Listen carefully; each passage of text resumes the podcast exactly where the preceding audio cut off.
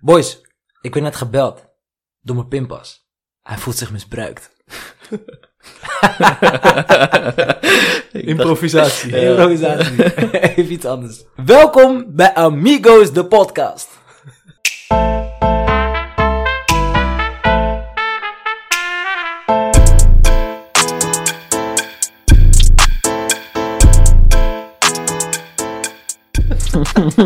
Leuk, hè? Draai die switch, denkt? Ja, maar ja, je verrast ons nog eens. Ja. Kijk, creatief. Creatief, jongen. Creatief leven. Ja, lieve dames en heren. Amigos en amiguitas. Welkom bij weer een nieuwe aflevering van Amigos, de podcast. De podcast waarbij drie amigos met verschillende multiculturele achtergronden wekelijks bij elkaar komen om alle uitdagingen en levensvragen van de hedendaagse millennial te bespreken. Taboes en oppervlakkigheid kennen we zeker niet, want met een dosis humor zoeken we wekelijks met jou de diepgang op. Vaste trio bestaat uit, rechts naast mij zit Shakar, Shakar Keder, 26 jaar oud uit Amersfoort. En links van mij zit Mohammed, Mohammed Bouzakouk, 26 jaar oud, ook uit Amersfoort. En ondergetekende, mijn naam is Jerry Geurtsen. Welkom, welkom. Je hebt me in één keer goed gedaan vandaag. Goed, hè? Ja, hè? Dat is wel echt het hoogste. Ja. Het blote hoofd. ja. En ik merkte, vorige week eh, was ik eh, de introductie vergeten. ja. Dus toen heb ik niet gezegd, nee, maar toen heb ik jullie niet geïntroduceerd met wie we aan Oh, tafel klopt, waren. klopt. Ja, ja. Oh, ja. Dus, eh, dus ja, Ah, dus ik denk, nou moeten we vandaag maar even doen. En we doen het gewoon even op een Scherp. serieuze manier. Voor- en achternaam, leeftijd, waar wonen we. Prima. Zodat Scherp, alle, scherp. ja, alle nieuwe luisteraars ook weten met wie ze te maken hebben natuurlijk. Wie er achter deze prachtige stemmen zit. Ja, joh, we Mhm. blijven toch elke week groeien. Dus eh, ook waarschijnlijk nieuwe luisteraars erbij. Ja, we gaan keihard. we zitten wel op de 200 volgers. Hey, Ja, mijlpaal, hoor. Op Instagram dan, hè? Ja, op Instagram. Ja, ja, ja. Ja. Dus eh, nee boys, we zitten er weer. En eh, ik heb de aflevering nummer nog niet eh, genoemd, maar aflevering nummer 9. Een 9. Ja. ja. Dus we zitten bijna op 10. Dus we hebben bijna, nou ja, een, eh, hoe noem je dat? Jubileum? Jubileum. Volgende week jubileumuitzending? Ja. Gaan we groots We uitpakken? gaan, ik wou net zeggen, we gaan gewoon tijd pakken, of niet? Toeters en bellen, Komt- motrice, komt- we nodigen motrice Mo-. Motrice komt sowieso. Komt een keer koekjes op tafel of zo. Ja, de gast hier is een beetje gierig tijd. ja, ik heb nog steeds geen, eh, die tickets die ik heb gestuurd, nog steeds niet betaald. Ze zijn verlopen ondertussen. Niet meer geldig. Verjaard. ja. Nee. Ehm, we zitten weer bij elkaar. Eh, vaste setting weer. Eh, weer geen gast. Maar zoals Mo vorige week al aankondigde, staat het zeker op de planning in het tweede seizoen. Ehm, en vandaag eh, gaan wij beginnen met eh, weer een actualiteit. Wat vorige week heel goed is ontvangen door de luisteraars. We hebben positief feedback gekregen. Dus eh, Ja. laten we maar meteen van start gaan. Chakra, aan jou het woord. Het is jouw vaste rubriekje geworden. Oh, oké, dat was ik niet op de hoogte. dus leuk dat ik deze als verrassing krijg. Hè? Nee, joh, prima. Ehm, ik weet niet of jullie afgelopen week een beetje op social media hebben opgelet. Maar er is een, vanuit in ieder geval wat ik heb gezien, vanuit de vrouwelijke volgers, in ieder die jullie volgen, Oh ja, ja. is er heel veel, eh, een berichtje, een, heel, een bericht die heel Wat? vaak is... Wat zei eh, Jerry? Wat zei je? Ik volg niet zoveel vrouwen. ja, ja, ja. Zij volgen jou. Luisteraar, check, check nu zijn Instagram. Vet check. Nee, maar de, die hebben heel veel een eh, berichten gepost die ik steeds terug zag komen. Eh, ik weet niet of jullie die kennen. Ja. Eh, waarin staat eh, protect your daughter. En dan doorgestreept, protect your daughter. Dader, dader. Ja, dader. En dan, eh, dat is zeg maar eh, weggestreept. En dan onder educate your son. Ja. Mm. ik weet niet of jullie die hebben... Ik heb, ik heb niet die gezien. Vorige week heb ik een andere Ik heb ook een andere gezien. ook een andere, Ja. hè? Ja. Ja. Maar dat heeft wel met, allemaal met elkaar te maken. Ja. Het gaat namelijk om, eh, nou, eigenlijk een moord eh, die is in Engeland is eh, gepleegd. Oké. Op eh, Sarah Everhart. Mhm. Eh, op eh, ja, woensdag 3 maart volgens mij. En eh, die is na haar werk is naar huis gelopen en is toen eh, door een ex-politieagent, zeggen ze. In ieder geval, dat is nu de, Het verhaal. het verhaal inderdaad. Eh, die is door haar eh, gekidnapt en waarschijnlijk seksueel, ehm, seksueel misbruikt. Ja. En ze is later eh, teruggevonden in de bos. Oké. In de bos. Ik kan jullie ook niet serieus nemen. Ik kan jou niet serieus nemen. Jullie weten het toch maar, kom op maar. In het bos. Ehm, Ja. Nou, in ieder geval, ze heeft, eh, eh, wat uit, uit haar verhaal is gebleken, is dat ze eigenlijk gewoon ook rekening heeft gehouden met, eh, maar ja, met dat onveilige gevoel. Mhm. Namelijk, ze heeft gewoon haar lichaam goed bedekt eh, gehouden. Ze heeft platte schoenen aangetrokken, zodat ze snel kon rennen. Ja. En ze heeft nog haar vriend van tevoren gebeld van, hé, hey, ik, ik ben nu aan het lopen, ik kom nu naar huis. En noem het maar op. Ja. Nou, het is allemaal toch helaas voor haar slecht afgelopen. En vandaar dat er eigenlijk een soort van actie is gekomen ook uit Engeland. Van, hé, hey, de vrouwen die zijn gewoon hier niet meer veilig. Ik weet niet, hebben jullie dat verhaal eh, een beetje gevolgd? Of, eh, Als jij, me- hoe jij me zo nu uitlegt, eh, het verhaal erachter weet ik niet. Ik heb nee, wel de post ik wist het hem ook niet trouwens. Ik heb er een beetje opgezocht, Ja, even ja. research, eh, research naar gedaan. Ja, nee, Maar het is het eh, verhaal eigenlijk. Ja, ja, Wat, wat, wat vind je ervan dat vrouwen eigenlijk deze, in deze tijd nog steeds zich onveilig voelen? Ja, ik heb, ik heb laatst ook een filmpje op Instagram gezien. eh, die had zichzelf gefilmd, volgens mij een eh, Chinese of Japan, een Japanse Ja, vlogster. ja, die heb ik ook gezien, man. en die ja. had zichzelf gefilmd eh, dat ze aan het livestreamen was. Gewoon op straat of in een koffietentje.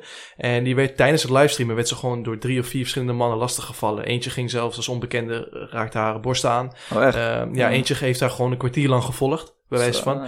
Dus daarmee kun je dus zien dat het nog steeds kapot vaak gebeurt. Ja. Dat gewoon mannen ehm, zonder toestemming aan vrouwen gaan zitten. Je ziet het ook bij het uitgaan dat ze in billen gaan knijpen en Ja. zo. Dat vind ik overigens het laagste wat je kan doen. Bij een vrouw in een bil knijpen zonder dat ze het weet. Dus je ziet het steeds vaker. Ja. Maar je bent je er eigenlijk niet zo bewust van dat dat ook zo erg speelt. Nee, nee, ik denk Eh. dat voor ons als mannen dat... eh, hè, je hoort wel eens misschien iets, maar we staan niet elke dag bij stil. eh, dat dat, in ieder geval dat vrouwen daar rekening mee houden. Dat ze zich zo onveilig Ja, voelen. precies. Ja, Ja. dus, ik eh, kan me dat niet voorstellen Ik trouwens. schrik me daar, eh, ik Ja. schrik er wel van. Eh, en ik begrijp het enigszins zo.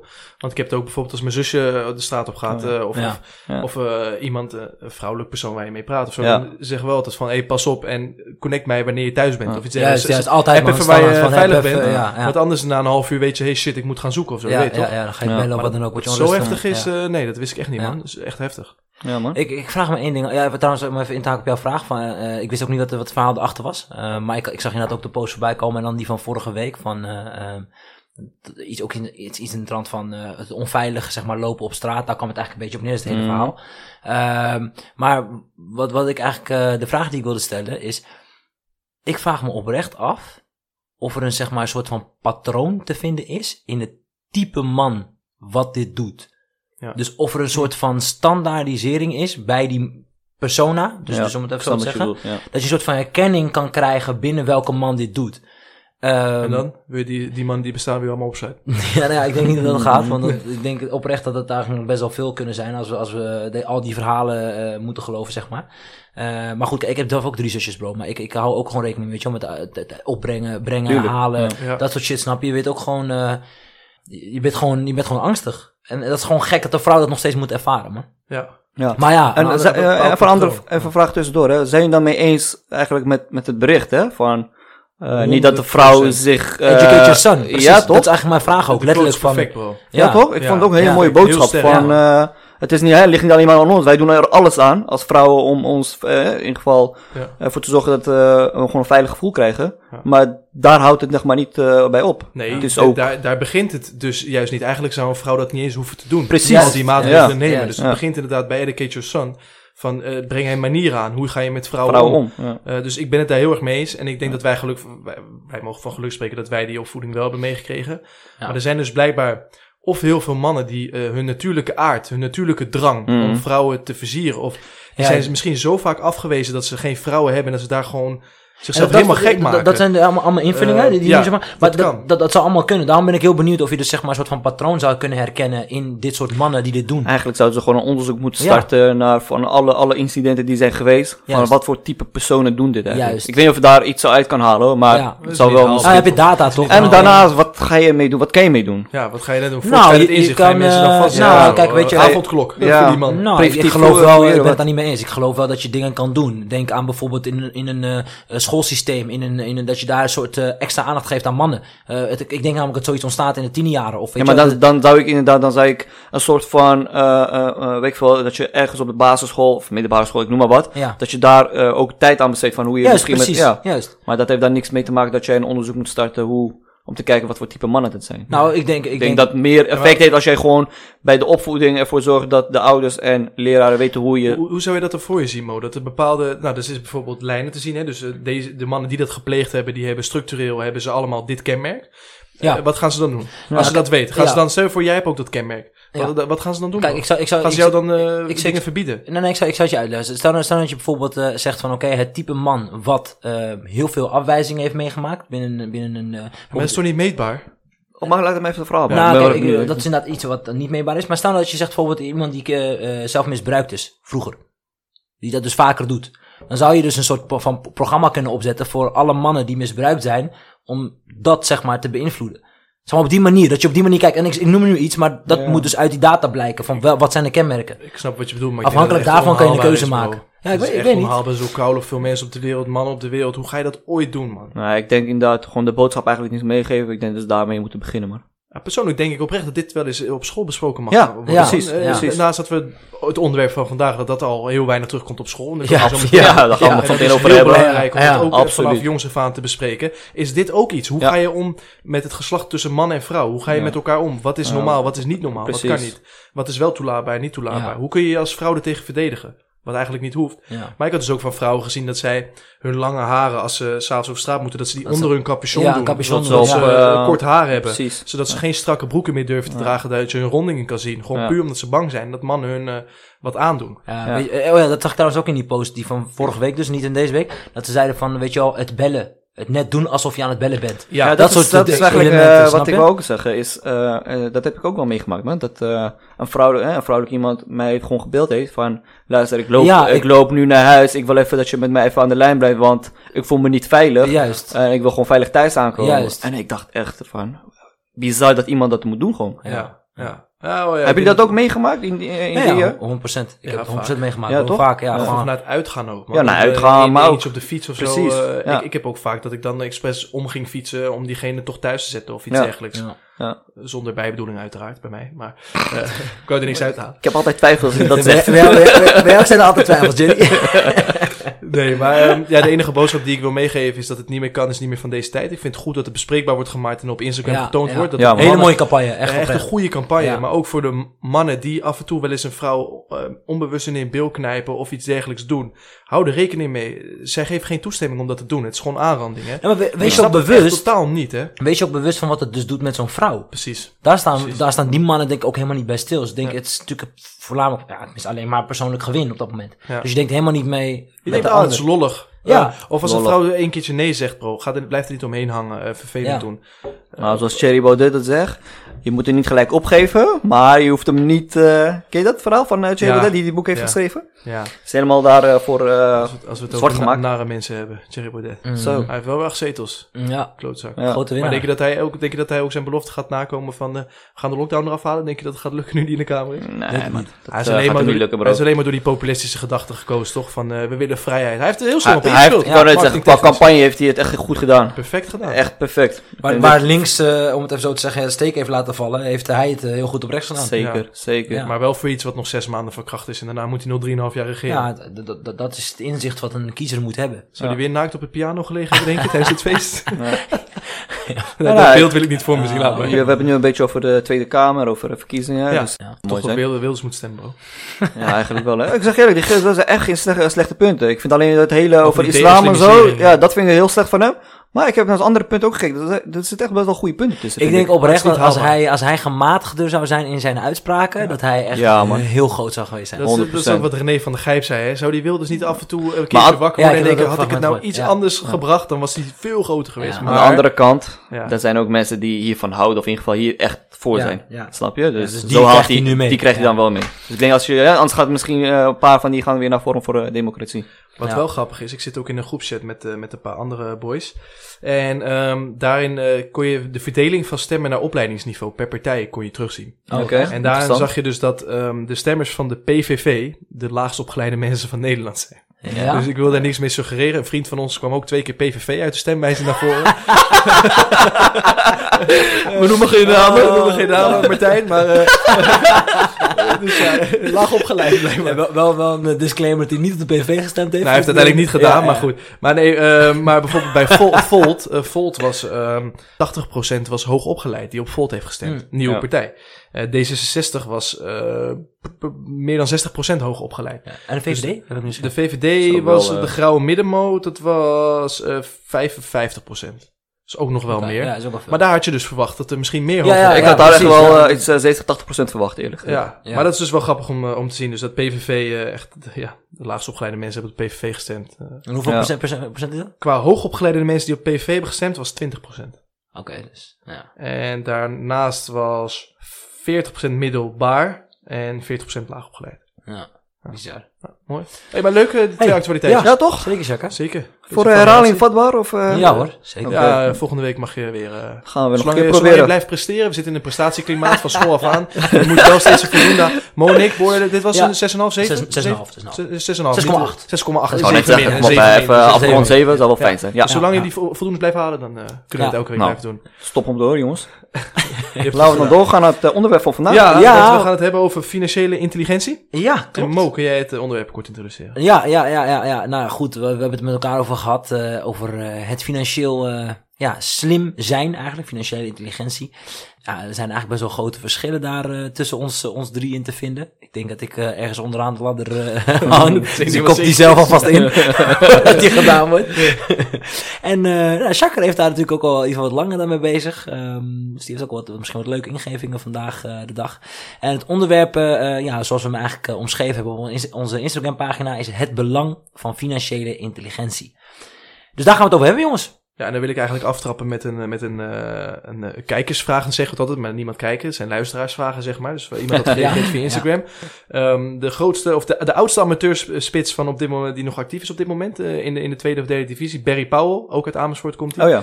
Ehm, hij zegt het belang van financiële intelligentie geeft aan dat het heel groot is, maar je leert er eigenlijk niks over op school. Ja. En daarmee snijdt hij misschien wel een punt aan. Dus ja, hoe staan jullie daar tegenover? Is dit een vak wat we in de toekomst vanaf jongs af aan al mee moeten nemen eh, op school? Ja, ik man. denk, ja, ik, daar, daar ben ik het zeker mee eens. Ja, man. Eh, ja, als- man. als ja, man. Ja, man. Zo, het begint vervelende motor te worden hier. Nee, maar als we even, even serieus, als we kijken naar hoe belangrijk financiën is in ons leven, voornamelijk als je wat ouder wordt, hè, wanneer je echt 18 bent en bijna alles zelf moet betalen. Ja. Nou, dat heeft voor mij wel een bepaalde invloed, eh, financiën. En ik heb het gevoel dat het een beetje een soort van taboe onderwerp is om over te praten. Eh, eh, in ieder geval, daar wordt niet heel vaak over gepraat. Volgens mij is het ook heel raar als je aan iemand vraagt, hey, wat, wat verdien je nou? Eh, daar zijn mensen echt heel Zeker in terughoudend in. Nederland, ja. Zeker in Nederland inderdaad. Nou, eh, Gaat je niks aan. gaat je niks aan. of, precies, hou ik liever Ja. voor mezelf. Ja, ja. Snap ik ook wel. Snap ik ook wel op zich. Ja. Ja. Maar ik vind wel dat je... eh, kijk, je hoeft voor mij niet over je salaris te praten. Maar ik vind wel dat we over normaal over financiën kunnen praten. Van oké, hoe ga jij daarmee om? Eh, hoe zijn jouw uitgaven? Hoe, hoe probeer je dat een beetje eh, Ook stabiel te houden? Juist, van elkaar te leren Ja. en inderdaad echt financiële intelligentie opdoen. Eh, daar ben ik het volledig mee eens. Maar laten we even Ja. teruggaan naar het vak. eh, hoe ga je met je financiën op, op school? Ehm, wat zou de ideale situatie zijn? Per wanneer moet je hiermee geconfronteerd worden? Op de basisschool, middelbare school? Hoe zouden jullie dat in het, eh, in het perfecte plaatje eh, willen vormgeven? Ik zou zeggen op de middelbare school. Ik denk dat dat eh, het moment is daar eh, dat veel ehm, kinderen ook eh, zakgeld krijgen. Mhm. vanuit hun ouders. Ja. Dus daar eh, proberen de ouders al een beetje eh, invloed uit te oefenen. Hoe ze met, eerste met het eerste baantje natuurlijk. Dus op die leeftijd ga je echt wel geld verdienen en leer je ook een beetje hoe je met geld moet omgaan, of niet. Mhm. Ehm, dus ik denk dat de middelbare school een goede moment is. Ja. Ik weet niet hoe jij daar tegenaan kijkt, Mo. Ja, ja, ja, ja, zeker. Ik denk dat, ehm ehm, om- ja, ik, middelbare school zeker omdat je daar de basis legt. Dat is de eerste keer dat je eigenlijk eh, eh, te maken krijgt met, Met- inkomsten. Ja. Eh, dus, dus in die zin, dan weet je ook wat, eh, wat, je weet nog niet hoe je uitgaven zo moet indelen, zodat je dus rijker wordt. Dus financieel verstandiger, vermogen opbouwt, dat soort dingen allemaal leer je niet. Eh, eigenlijk gaat alles wat er binnenkomt, tenminste in mijn geval was alles wat er binnenkwam, ging twee keer zo hard uit. Zeker.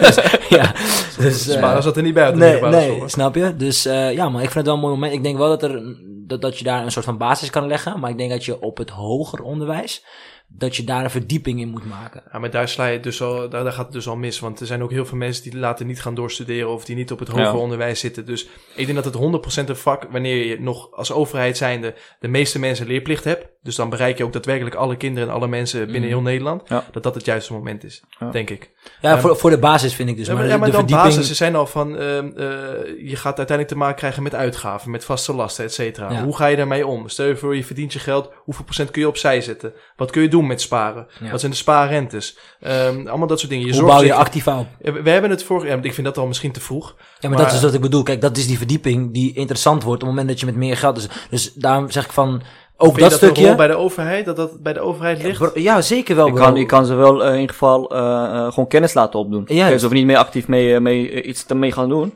Maar het is wel goed dat het op die manier werkt. Ja. Eh, dus dat, ik, vind, ja, ik ben daar wel met Mo eens. Anders mis je die, dat, dat touchpoint, zeg maar, met Ja, überhaupt... over uitgaven en zo, daar heeft iedereen het wel over. Maar Ja, Ja, dat maar niet, stukje... op, niet op de middelbare school. Nee, nee, nee, weet ik. Hoe, hoe je om kan gaan. Nee, Ja, nee, maar vanuit je ouders bedoel ik dan. ja, Vaak- vanuit je ouders wordt ook al verteld je moet trouwens. sparen, je moet let op je uitgaven. Is dat nooit verteld? Nou, ja, misschien. Maar niet Vast, echt vast concreet. wel. Nee, precies Nee, niet concreet. maar Nee. daarom, dus je krijgt daar wel mee te maken. Het moet gewoon een vak op school zijn. Met hoe ga jij met je geld 100%. om? Wat- welke vaste lasten Ja, krijg je? ja. Welke uitgaven? Patronen?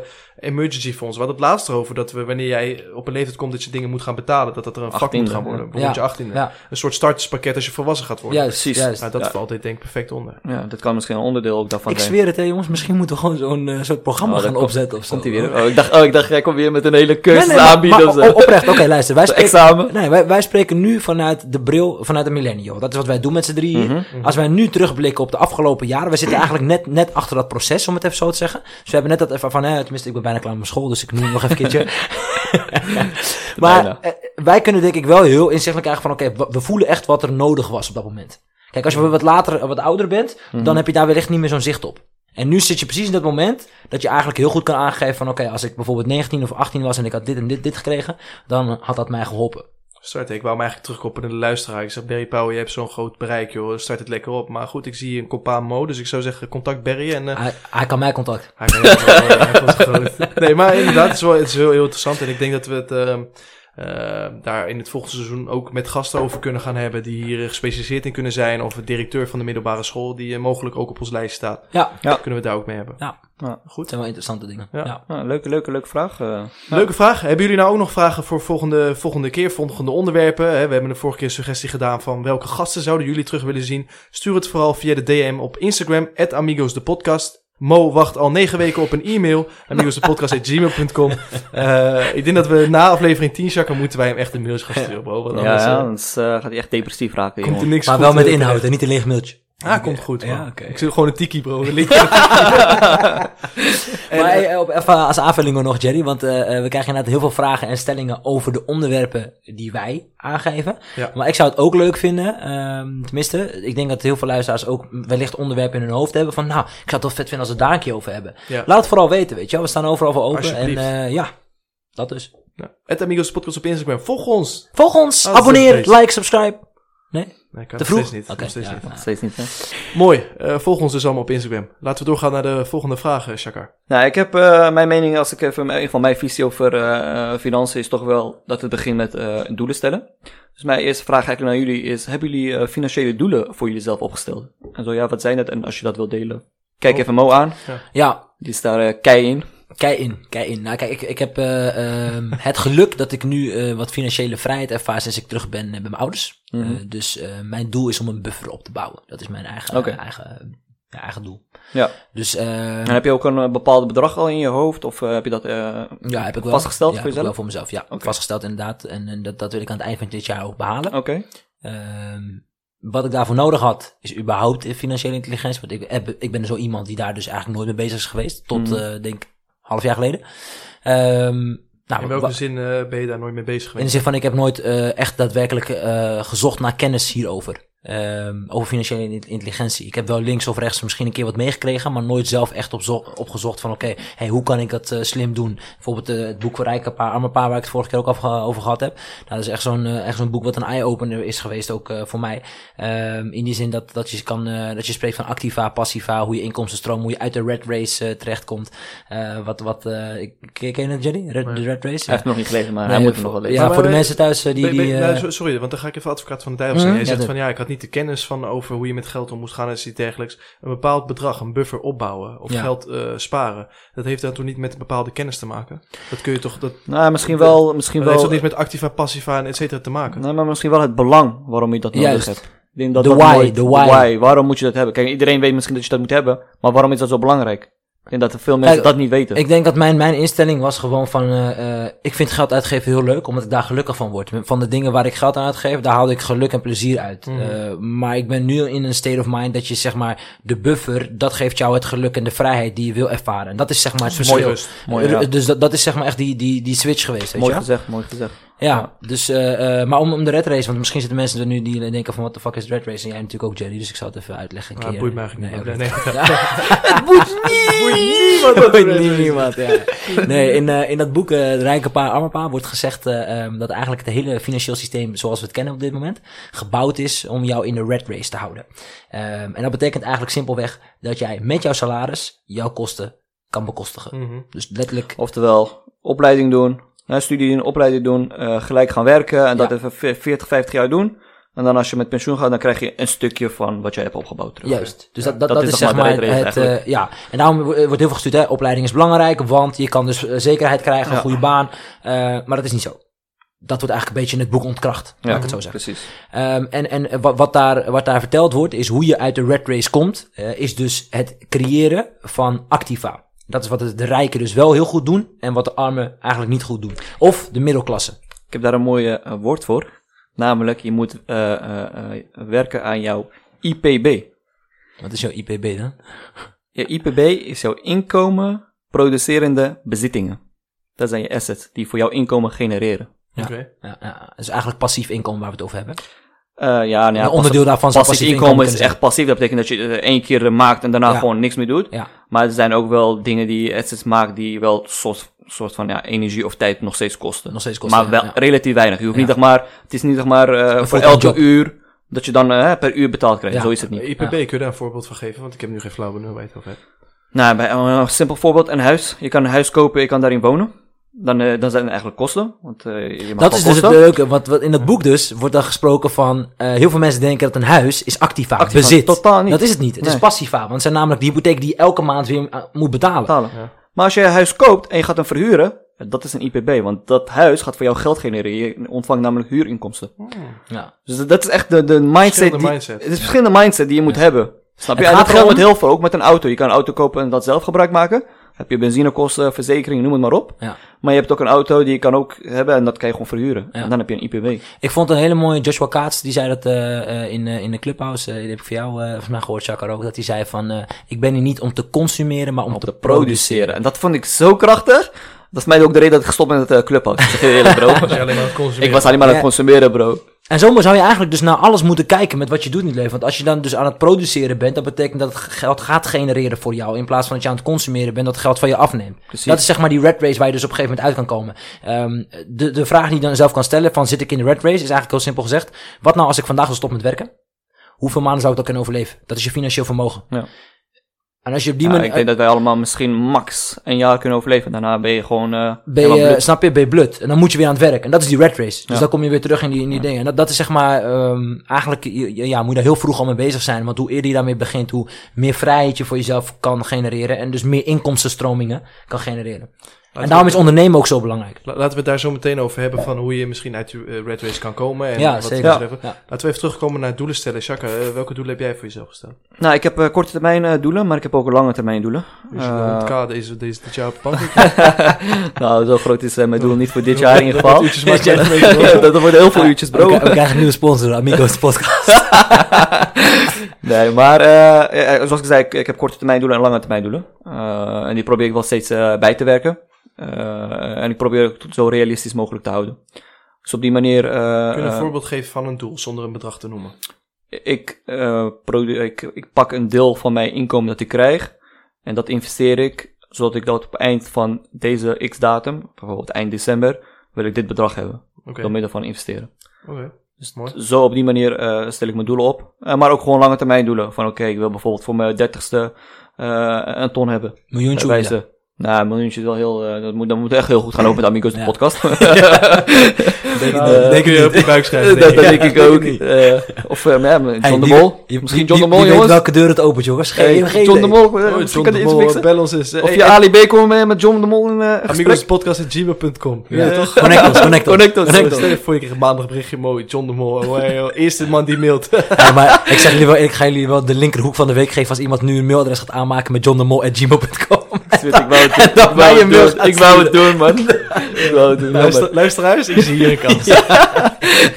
Oké, maar mooi. Doelen. Dus korte termijn doelen, lange termijn Een lange termijn doelen, ja, zoals ik zei, ik wil voor mijn debts eh, bijvoorbeeld hond, eh, ja, hon- eh, een ton hebben. Eh, er is Oh, aan op je bankrekening, dus het geldbedrag, of wil je dat Nee, misschien ook vermogen. ergens in vermogen? aan vermogen, Ja, aan ja, vermogen. Want het blijkt dat eh, als je dat hebt, dan zit je bij de 5% van de wereld. Dus dat betekent wel dat je redelijk goed zit. Ja. Ik heb, Goeie. ik heb persoonlijk niet echt eh, doelen, man. Ja, ik heb wel één doel dat ik dit jaar voor een bepaald aantal bedrag eh, op mijn spaarrekening wil hebben. Eh, ga ik ook niet benoemen hier. Eh, maar ik denk dat ik het niet ga halen, man. Ik weet het nu al. Ja. Oh, Ja, waarom want niet? ik, Waarom ik, eh, nee, ik ga, ik ga weer deze twee cursussen doen. Oh ja. Het begint in de Ja. zomer en die Ja. kosten al bijna 5000 euro. Ja. Maar is een flinke slok op een borrel. Ja. Dus, eh, dus dat gaat er al vanaf, dus die ga ik niet halen. Ja, maar goed, dus je investeert wel weer in iets wat dus een extra Ja, inkomstenstroom kan genereren. Na mijn straks. Dat wou ik net zeggen. Ja, dat na wou ik mijn net carrière ga ik daar eh, veel geld mee verdienen als Ja. het goed is. Nou, maar dat, dat is dus de hele insteek. Dus eigenlijk, dus je geld is dus niet om te consumeren, maar om te produceren. Ja. Daarvoor zet je het in. Jij zet nu om in kennis en de kennis gaat later waarschijnlijk... Ja. Precies. Ja, Ja. eens. En Ja. daar moet je eigenlijk, want dat is, de- dat is denk ik het interessante als je dus gaat kijken naar eh, quick wins eh, en long-term wins. Dat, dat, dat is eigenlijk wat jij ook nu zegt, Chaka, met de korte termijn doelen en de lange termijn doelen. Ja. Mooi dat de gast met, met minste financiële intelligentie van ons die de hele dag eh, loopt op met, met mooie Engelse termen en zo. Bo, ik, heb, ik zit er diep in, Hij bro. zit er diep in, ik diep bro. Al die Ja. termen komen bekend voor. Ja. Ja, goed, ik zit er diep in, bro. Goede ontwikkeling. Ja. ja maar dat was eh, hoogst nodig. Ja. Brood nodig. Echt tijd. man. Ik heb hem vaak gepusht, maar hij is eindelijk zover. Ja. Eh dus mooi om te zien. Hey boys, nee, dan eh, denk ik dat het eh, mooi is dat we in ieder geval doelen hebben, dus we zijn ermee bezig. Dat is in Ja, ieder geval sowieso, een pluspuntje, Kijk, dus we zitten weet- er diep in. Ik ga die even, nog één ding, hè. we hebben het vorige Ja. keer ook al genoemd in, in de podcast. Ik ben bezig met. Dat is het allerbelangrijkste. Zolang je die mind, mindstate gewoon vasthoudt, ik ben bezig met. Maakt niet uit waar je staat, maar ik ben bezig met. Ja, onthoud het eh, jouw, eh, jouw ego of jouw angst, die kan niet zeggen, nee, dat red je niet. Of dat Precies, niet. Nee, want je precies. mee bezig. Precies. Precies dat. En wat eh, vind ik wel mooi dat we naar de volgende stelling kunnen gaan. Ehm, op ervaringen moet je nooit geld besparen. Zijn jullie het hiermee eens of oneens? Ervaringen moet je nooit. Ja, ik snap wat je bedoelt. Dus op de, op de ervaringen die jou eh, het geluk, plezier, et cetera kunnen opleveren, zou je nooit geld moeten besparen. Dat is eigenlijk wat je zegt, toch? Ja? Ja. Dat is precies wat, ik, wat de stelling is, Ja, man. Dankjewel. Ik, ik herhaal nog. Ja, heb je misschien een concreet voorbeeld? Ik, ik volg je wel hoor, maar ik probeer even te Eh, kijken. Van, dus als jij een afweging hebt eh, om iets leuks te doen, Mhm. dus een herinnering te maken, moet je daar nooit je geld op besparen. Dus als je de keuze hebt van of ik ga dit opzij zetten om over 20, 30 jaar een bepaalde buffer te hebben, Ja. wijs van. Ja. Of je gaat die ervaring aan en je maakt een herinnering, een memory. Dat is altijd belangrijker dan het geld oprokken of eh, besparen. Ja. Dus ehm, op ervaringen moet je nooit besparen. Denk- ja, ik het denk- hangt natuurlijk wat voor ervaring je gaat opdoen, maar eh, over het algemeen ben ik het eens eh, Ja. met, de, met de stelling. Ja. Eh, ik denk dat, eh, volgens mij, ik weet niet van wie dit is, maar volgens mij draait het leven ook om ervaringen op te doen en die leuke momenten eh, mee te maken. Ja. Vooral, denk ik. 100 Toch? procent. Ja. Hè? Dus toch... eh, Het zijn dat is- hoogtepunten, bro. Dat zijn de hoogtepunten die je voor je altijd meeneemt. Eh, ik, hè, bijvoorbeeld met jou, ik, ik ga het even niet benoemen, maar als ik zeg Spanje, dan weet je waar ik het over heb. Ja. Ja, dat zijn echt herinneringen die ik voor altijd ga meenemen. Of Parijs. Wat, waarom wil je het niet benoemen? Parijs, hè? Oh. Parijs is ook een van Ja. die eh, Oh, ja, ervaringen. die werkweek. ik Ja. Waarschijnlijk over 30 jaar of 40 jaar Ja, nog die ga je steeds. niet meer vergeten. Die ga ik zelfs aan mijn Ja. kleinkinderen vertellen. Ja, ja, ja. Nee, ben ik, ben ik volledig mee eens. Het is wel zo dat het best wel vaak een lastige keuze is. In ieder geval, ik heb het ook wel eens met vrienden over gehad. Ik zei van, hé hey bro, deze, deze week ga ik even niet mee. Weet toch, van, moet nog even wat geld besparen of iets dergelijks. Of denk je, oh, ehm, als ik bijvoorbeeld nu terugkrijg naar, naar de vakanties die ik gehad heb. eh, Mhm. Als ik ben uitgegaan met vrienden, leuke dingen gedaan heb. Nou, als je nu terug gaat rekenen, denk je, wow, dat heeft mij klauwen met geld gekost. Ja. Maar als ik dat Ja. had bespaard, bro, dan had ik nu al een dikke osso gehad. Ja, ik snap wat je Terwijl aan de andere kant, als ik later ouder ben, zijn het wel die herinneringen die mijn leven vorm hebben gegeven, waar ik het meeste plezier aan heb gehaald, dan het geld wat ik op besparing Ik denk dat je gewoon jezelf moet afvragen bij zoiets. Tenminste, dat heb ik voor mezelf afgevraagd. Is, is ehm, van de ervaring, had die ook even leuk kunnen zijn met minder uitgaven? Hmm. En dat is zeg maar de, de Ja, grote ben ik- vraag. Snap ben je? Want eens, dan, ben ik mee eens, inderdaad. want dan heb je nog steeds eh, een ervaring opgedaan. Die zijn, die zijn eh, Ja. priceless. Je weet toch, die moet je sowieso doen in het leven. Ehm, maar had ook gekund met minder uitgaven. Of juist een minder frequent kleinere ervaringen. Waardoor je een grotere ervaring wel weer volledig kan benutten en genieten. Het probleem daarvan bij mij is vaak dat ik zo'n leuke ervaring ehm, ehm, niet meer helemaal helder ben. Dus dan zit ik vaak aan de, wat, aan de alcohol. En hoe later het wordt, hoe meer ik met mijn pinpas ga zwaaien op een Ja, avond. ja. Dus dat is Ja. meestal het probleem Ja, wat, eh, ja. wat er dan bij mij plaatsvindt. Ja, ja, kijk, ik heb bijvoorbeeld, waar ik nu meteen aan zit te denken is, ik heb het over die wereldreis toch vaak gehad. Ja. Kijk, en zoiets, daar zou je nooit op moeten besparen, vind ik Zeker niet. Snap je? Dat is zeg Zeker maar iets wat je, wat je één keer doet, zeg Ja. maar. Ja. En dat, dat is zeg maar, ik ben toen ook naar Amerika geweest, weet je wel, skydiven, dat soort dingen. Dat zijn dingen die je ook niet zo snel Ja. gaat doen. Dus Dan in dat nu dus opzicht... vraag. hè. Jij, hebt, jij hebt dit jaar een bepaald bedrag eh, in gedachten Ja. dat je gespaard wil hebben. Ja, Maar eh, als je dat bedrag niet zou halen, doordat je op wereldreis bent geweest, is Dan jouw is het doel dan eh, probleem. niet gehaald? nee, dan is het geen probleem. Nee, Oké. Dat snap Nee, ik, man. Dat nee. snap ik. Dat zou ook geen probleem moeten zijn, nee, man. nee. Want hij, hij investeert dat gewoon weer terug in een, in een ervaring, Ja. letterlijk. Ja, denk het grootste, de grootste fout wat mensen, de meeste mensen maken, wat je van oudere mensen hoort, is zeggen: nee, we hebben altijd geld opzij gezet om uiteindelijk leuke dingen te gaan doen. Maar dan schuif je het steeds voor je uit, voor je uit, Ja. voor je uit. En op een gegeven moment ben je niet meer fysiek fit genoeg, of Ja. heb je niet meer de mogelijkheden met verantwoordelijkheden dat je dat niet meer kan doen. Ja. En dat is de meestal de grootste fout wat ze dan altijd zeggen: ga voor ervaringen en ga niet voor eh, pragmatische levenshouding, voor het geld, voor Nee. dure auto's, et cetera. Maak Ja. ervaring. Nee, daar ben ik het helemaal mee eens. Ik denk dat de bel- belangrijkste investering die je kan doen in het leven is investeren in ervaring en investeren in kennis, man. Alles daarbij, zeg maar, daarnaast is eigenlijk voor mijn part uh, slechter. Hè? Dus als jij investeert in een, uh, weet ik wel, een auto, ja bro, dat vind ik niet echt een investering, man. Eh, het- bij mij gaat het wel zo ver. Ik had volgens mij met jou een keer, met jou volgens mij, Jerry. Maar als ik cadeautjes koop voor mensen, is dat vaak een ervaring. Ja, ik Is zeg maar geen spullen. Oké. Is het vaak, zo, zo kijk ik er echt naar. Ik ontvang namelijk het liefst ook ervaringen. Dan, Ja. dan een cadeau. Ja. In die zin, snap je? Omdat, het zeg maar gewoon een, een, een ervaring is priceless. Ja. Al is het maar, weet ik veel, eh, een, een, een, een, een, een, een, een indoor skydiven. Een iets, iets zeg maar, wat je zeg maar gewoon kan doen. Hoeft helemaal niet zoveel geld te kosten. Maar Nee, nee, precies. dat is wel die ervaring wat opweegt tegenover een materialistisch iets. Ja. Wat ook leuk is, maar totaal niet dezelfde beleving meegeeft. Nee, ik voel, ik, ik hoor wat je zegt, ik ben het eens. Ja, met ervaring komen echt die emoties, toch? Eh, als je een echt, een, echt een superleuke dag hebt, Ja. ja. dat zijn emoties en... Nee, maar bro, een heel simpel voorbeeld. Ik geef jou nu nog een, eh, een Armani horloge. Hmm. Over tien jaar weet jij niet eens meer over het horloge, bro. Ja, ik ga hem misschien twee, drie dagen leuk vinden, daarna denk ik van, ja... Snap je? Leuk. En, en als ik jou wel een ervaring geef van bijvoorbeeld, eh, weet ik veel, eh eh, eh, Indoor skydiven. Indoor skydiven bijvoorbeeld, dat is iets wat je over tien jaar nog steeds weet. Ja. En dat, dat is zeg maar, het- zo kijk ik ernaar zelf. ja. Ja, ik, ik, hoop, ik hoopte dat er een discussie zou komen. Dat een van ons het oneens was met deze stelling. Maar goed, iedereen het is mee eens. Dus eh, lekker politiek correct weer. Helaas, pindakaas. Laatst pindakaas. Ja, man. Hey Shakker, volgens mij eh, heb jij nog een leuke vraag, hè? Ja, man. Ik wil het even eh, nu praktisch gaan maken. Dus eh, mijn volgende vraag aan jullie is: eh, eh, wat doe je als eerst als je salaris is gestort? Hmm. Jerry, laten we bij jou beginnen. overmaken naar mijn moeder. Dat is het eerste wat ik doe. Oké. Nice. Nice. ja. Ja, Ja, man. goeie. Dus, eh, omdat ik nu natuurlijk met die toeslagen heb ik al een keer Oh ja. verteld Ja, eh, ja. dat ik een deel eh, moet betalen. Omdat ik nu ook bij, bij inwonen en nu ook veel geld verdien. Dus die toeslagen zijn weg. Dus dat is het eerste wat ik doe. Man, direct geld overmaken naar mijn Oké, moeder. en, en daarna wat doe je allemaal dan?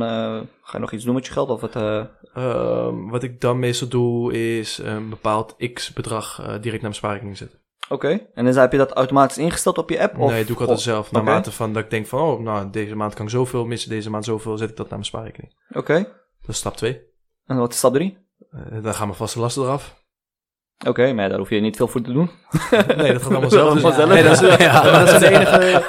Die, die incasseren wel. Die zorg. het vanzelf wel. Ja. Ja, maar dat zijn de enige stappen die ik maak, man, bro. Dus het is eh, geld naar mijn moeder overmaken ehm, en ja. geld naar mijn spaarrekening en dan klaar. Oké. Ja.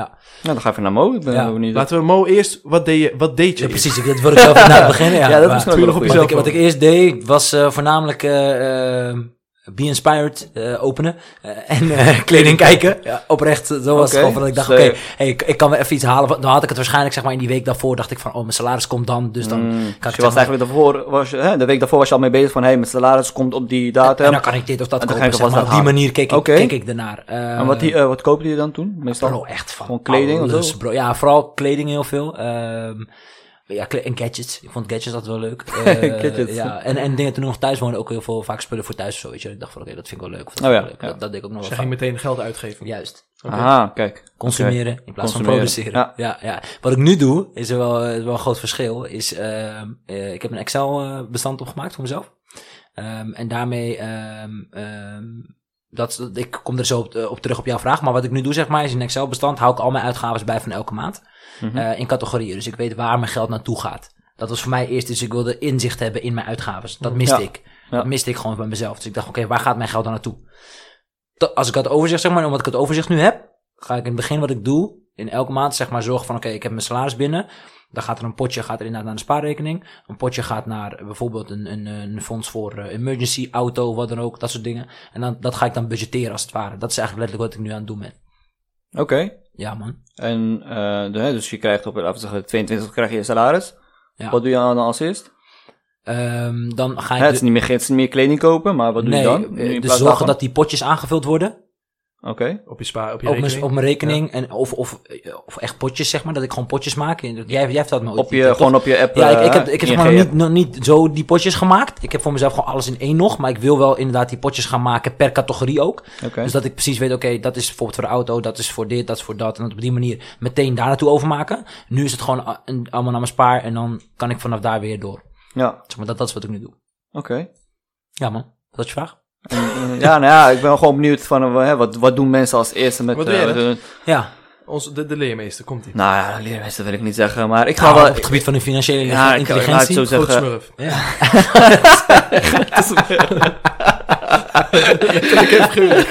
Grote man, kleine smurf. Nee, Dagobert de Kassa. Ja, Bijvoorbeeld. Dagobert. nee, kijk, ehm, hoe ik met mijn geld omga. Ik, ben, eh, ik heb eigenlijk wel een systeem voor mezelf ontwikkeld, eh, als ik het mag, eh, zo mag benoemen. Ik heb naast mijn normale betaalrekening heb ik een aparte betaalrekening, maar dan op een andere, bij een andere bank. Dus ik heb nu een ING, dat is mijn standaard. daar komt al mijn inkomen en zo. Maar ik heb daarnaast ook een rekening op mijn ABN-rekening. Ja, En dat is eigenlijk een soort mijn spaargeld. Dus alles gaat eigenlijk qua sparen, gaat altijd naar die rekening. ja. Waarom heb ik dat gedaan? Ik ken mezelf, als ik het geld op mijn eigen rekening heb op ING, is het Ja, heel ja. makkelijk om je geld Even uit te geven. En terug te halen. Snap je? ja, dat is ja. heel makkelijk. Maar als je voor jezelf al een belemmering eh, instelt, dat op een andere rekening is, en, en bij ABN werken ze nog met die, eh, hoe heet dat? Met die, eh, Reader. pasjes, met die die reader. Dus je readers, moet die ja, pasje hebben en je moet die dingen door, die en, code, ja. noem het maar op. Het is een gedoe. En dat weerhoudt mij eigenlijk al om impulsieve aankopen te doen. Want ik denk van, ja, dan moet ik dat bankpas pakken, moet ik dat doen. Kost me te veel tijd. Dus op die manier heb ik mezelf een beetje, eh, eh, eh, nou, veilig gesteld tegen al die impulsieve aankopen. Ja, Dus wat ik doe elke maand, als ik mijn geld heb ontvangen, eerste wat gebeurt is automatisch een x-percentage naar mijn ABN-rekening. Mhm. Daar kom ik ook niet aan toe, daar ga ik ook niet aan zitten. Slim. En toen ik nog bij mijn ouders woonde, had ik gewoon die pasje en alles bij mijn moeder gegeven. Van, hé, hey, hier heb je het. Als ik het vraag, zeg gewoon nee. ja. Eh, toch? Meest veilige ga, ga, manier er ga is. niet aan me geven, hè? Ja, dat is het meest veilige. Nou, op die manier heb ik wel echt, eh, toen ik begon met werken, heb ik ook gewoon redelijk twee jaar eh, goed kunnen sparen. Mhm. Dus dat is eigenlijk wat het eerste wat ik doe. En daarnaast, ik heb inderdaad eh, potjes gemaakt in mijn ING-app. En daar heb ik verschillende potjes gemaakt. Zo heb ik een potje voor fitness en, nou, hoe noem je dat? Supplementen. Ja, Daar heb ik gewoon een x bedrag voor, die ik elke maand reserveer. Ik heb een potje voor education. Eh dus een x Boeken. percentage ga ik Ja. gewoon boeken doen. Eh, cursussen, eh, seminars, wat ik eigenlijk ook heel graag in 2020 wou doen, maar door corona helaas Corona niet meer niet. Kunnen doen. Daar gaat een x-percentage naartoe. En dan heb ik ook een x-percentage wat naar onvoorziene kosten. Mm, ja. Dus eh, ik, volgens, mij herken, ja, volgens mij herken je dat het af en toe eh, krijg je opeens een bericht van ja, je moet nog 100 euro hier ergens betalen. ja. Eh, of Kom altijd op een lekkere moment ook. ja, dat zijn echt van die vervelende momenten. Ik van, ja, eigenlijk heb ik, nu kan ik het niet hebben? Ja. Nu kan ik niet betalen. En dan moet je weer, die hele maand ga je, moet je helemaal weer gaan spelen. Dus ik heb voor mezelf gewoon elke maand een x bedrag. Ga daar naartoe. Ja. Dus dat heb ik ook als een potje. Kleding. Eh, dus ik ben niet zo dat ik eh, denk van, hé, hey, ik heb zoveel geld, ik ga zoveel kleding kopen. Maar Ja. ik heb gewoon, ik denk van, oké, elke maand zet ik dit opzij. Eh, en dan besteed ik dan ook zoveel uit. Vakantie heb ik, vind ik ook wel belangrijk om Ja. daar ook wel voor ja. te sparen. En dan 100%. gewoon twee keer, drie keer per jaar op vakantie te gaan. Dat zijn eigenlijk mijn potjes. En ik heb een potje voor elke week. Dus ik heb mijn vaste kosten, maar ik heb ook variabele kosten. Denk aan boodschappen doen, naar de kapper, dit en dat.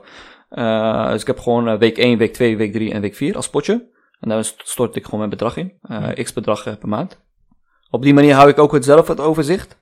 Eh, daarnaast wat jij zegt, hey, je doet mooi in Excel. Ik doe allemaal mooie notities. Dan heb ik gewoon heel snel eh, mijn mijn, overzicht van oké, dit zijn mijn vaste kosten, dit zijn mijn variabele kosten. Dit hou ik netto over om te kunnen sparen.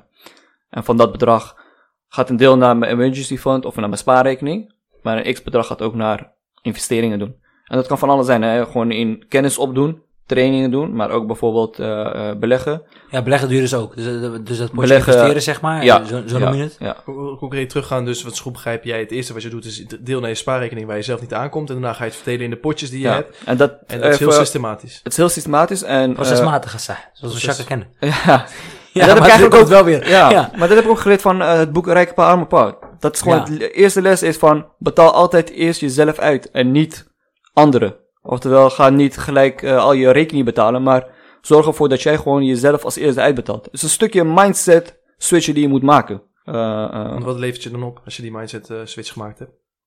Nou, ik denk dat je dan eh, eh, een stukje financiële intelligentie, eh, hè, dat je dat op de hoogte van bent. En ik denk ook eh, stabiliteit, man. Stabiliteit, ja, dat wil Ja, ik man. zeggen, man. Ja, dat is toch het grootste gewin hiermee. Het Met is zo'n systeem. het grootste gewin, man. En je, je, hebt, je hebt een systeem ontwikkeld die jou gewoon... Je hoeft, je hoeft er nauwelijks meer aan te werken. Je staat er niet bij stil, want alles gaat een soort van automatisch. Eh, eh, eh, en je hebt het al geregeld, snap je? Je hoeft het maar één keer te ontwikkelen. En je hebt het ook automatisch ingesteld in je ING. het dus is nu, alles is automatisch ingesteld en eh, eh, het kost mij misschien elke maand vijf nou, kwartiertje werk om even alles goed te doen. En daarna ben ik klaar. En dan heb ik gewoon geen stress van, nee, dit kan nog gebeuren, dit dan. Nee, want ik heb een hele systeem ontwikkeld. Ik hoef alleen maar daaraan te houden. Dus als ik het goed begrijp, ik ga hem nog één keer proberen samen te vatten. Hoe jij te werk gaat, is eigenlijk als volgt. Je salaris wordt gestort. Daarvan gaat er een deel naar jouw spaarrekening. Ja, en dus wat je ook betaal, gedaan hebt. betaal eerst jezelf uit. Ja, dus eerst, dat is de eerste stap inderdaad. En dat kan voor iedereen verschillend zijn. Je mag voor jezelf bepalen hoeveel dat is. ja, Qua percentage of percentage, ja. En dan doe jij dus ook zo dat je jouw eigenlijk jouw eh, rekening waar al het geld op staat, dat gaat naar deelpotjes Ja, voor doeleinden die je eigenlijk opstelt voor waar jij je geld aan wil uitgeven. ja. Met, met ook de grootste tip, denk ik, die ik hier zelf namelijk eh, hoor, is eh, dat wekelijkse. Dus dat je eh, zegt van, oké, dit is wat ik wekelijks uitgeef aan variabele kosten. Dit is wat ik wekelijks heb en hiermee moet ik het gaan doen. Ja, Ja. Snap je? En dat, daarmee dwing je jezelf om aan dat budget te houden en niet over dat budget heen te gaan. Want eerlijk, als je over die budget gaat, dan voel je je toch een beetje slecht. Snap Ja. je? Omdat je een budget hebt. Ja. Maar als je geen budget hebt, denk je van, oh ja, volgens mij is het wel prima zo. Je hebt toch gewoon 200 euro aan de je krijgt pas zeg maar, dat inzicht pas aan het einde.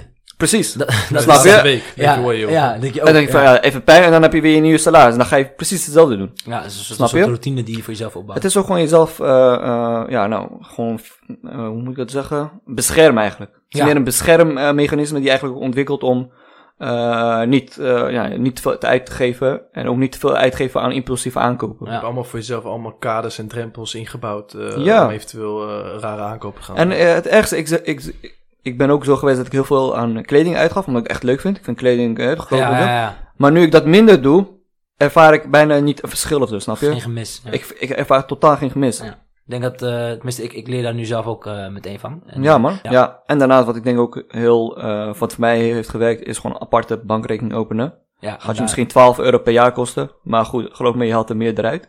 Ja. Open dat en zorg ervoor dat je maandelijks een x bedrag of percentage van jouw inkomen naar die rekening gaat, Ja. waar je niet bij aan... Dat vind ik een hele goeie man, want ik, eh, een vriend van mij, die doet, van ons, die doet dat ook. Op die manier, sinds jongs van al, die legt ook zijn pas bij zijn moeder en dan Mhm. zet hij het erop, kon hij er niet meer bij. Ja, Ik merk inderdaad, bij mij, ik heb wel een spaarrekening in mijn ING. Dus elke keer, aan het begin van de maand denk ik, oké, dit bedrag kan ik missen, boek ik over. Aan het einde van de maand denk ik, oh, ik wel zin om wat leuks te doen. Ah, joh, pak het er even af. Pak En zeker wanneer ik in zo'n moment ben, zoals ik net zei, als ik mijn bank moet sparen. Dan sta ik in eh, Bloemendaal of eh, in, in uitgaan.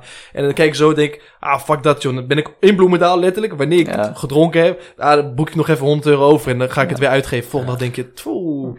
Dus dat vind ik echt een hele goeie. ja. En ik heb expres ook niet de app van ABN op mijn telefoon gedaan. Nee, gewoon, zo moeilijk mogelijk gemaakt om bij dat geld te komen. En als je het echt nodig hebt, kun je het altijd nog alsnog krijgen. Snap je? Als het echt, echt, een nood is, dan kun je alsnog, snap je? Maar Goeie tip, ik ga hem doen. in, Ja, Ik ga volgende ja, week, ja, eh, ik ga Ja, volgende ik week direct man. aanmaken. Ik ga hem denk ook doen, ja. ja. Hele goed. Ja, man. Ik heb gekeken voor jullie, ABN is zo goedkoop, dus ik zou gewoon ABN doen. ja, ben- 12 euro. Ja. We Is niet, is niet gesponsord, jongens. We ook niet, Gesponsord. ja. Geen research doen. Censored. Goeie tip, mooie tip, Ja, eh. Ja, man. Nou, ik ben, wel, ik, nou, ik ben wel heel benieuwd naar. Ehm, ik denk dat best wel veel mensen dat hebben van mijn leeftijd. En die, nou, beleggen is best wel een ding nu. Dus eh, ja, ik Ja. wil heel graag mijn geld beleggen. Cryptocurrency is natuurlijk ook nu heel erg een ding. Ehm, en ik heb een beetje dat FOMO-effect, merk ik. Dus Oh, ja. toen de tijd in Ja. 2017 ook, met die cryptocurrency. Ja. Toen was jij er best wel veel mee bezig, Shaka. En toen dacht ik van, oh, ik wil ook. Eh, ik hoorde dat mensen allemaal gekke bedragen verdienen. Dus toen gingen wij een keer met z'n tweeën samen zitten. 200 euro erin gezet. Ik weet nog, ging naar de bibliotheek, hè? Ja, Hij is nooit in de bibliotheek geweest, dus die eerste keer.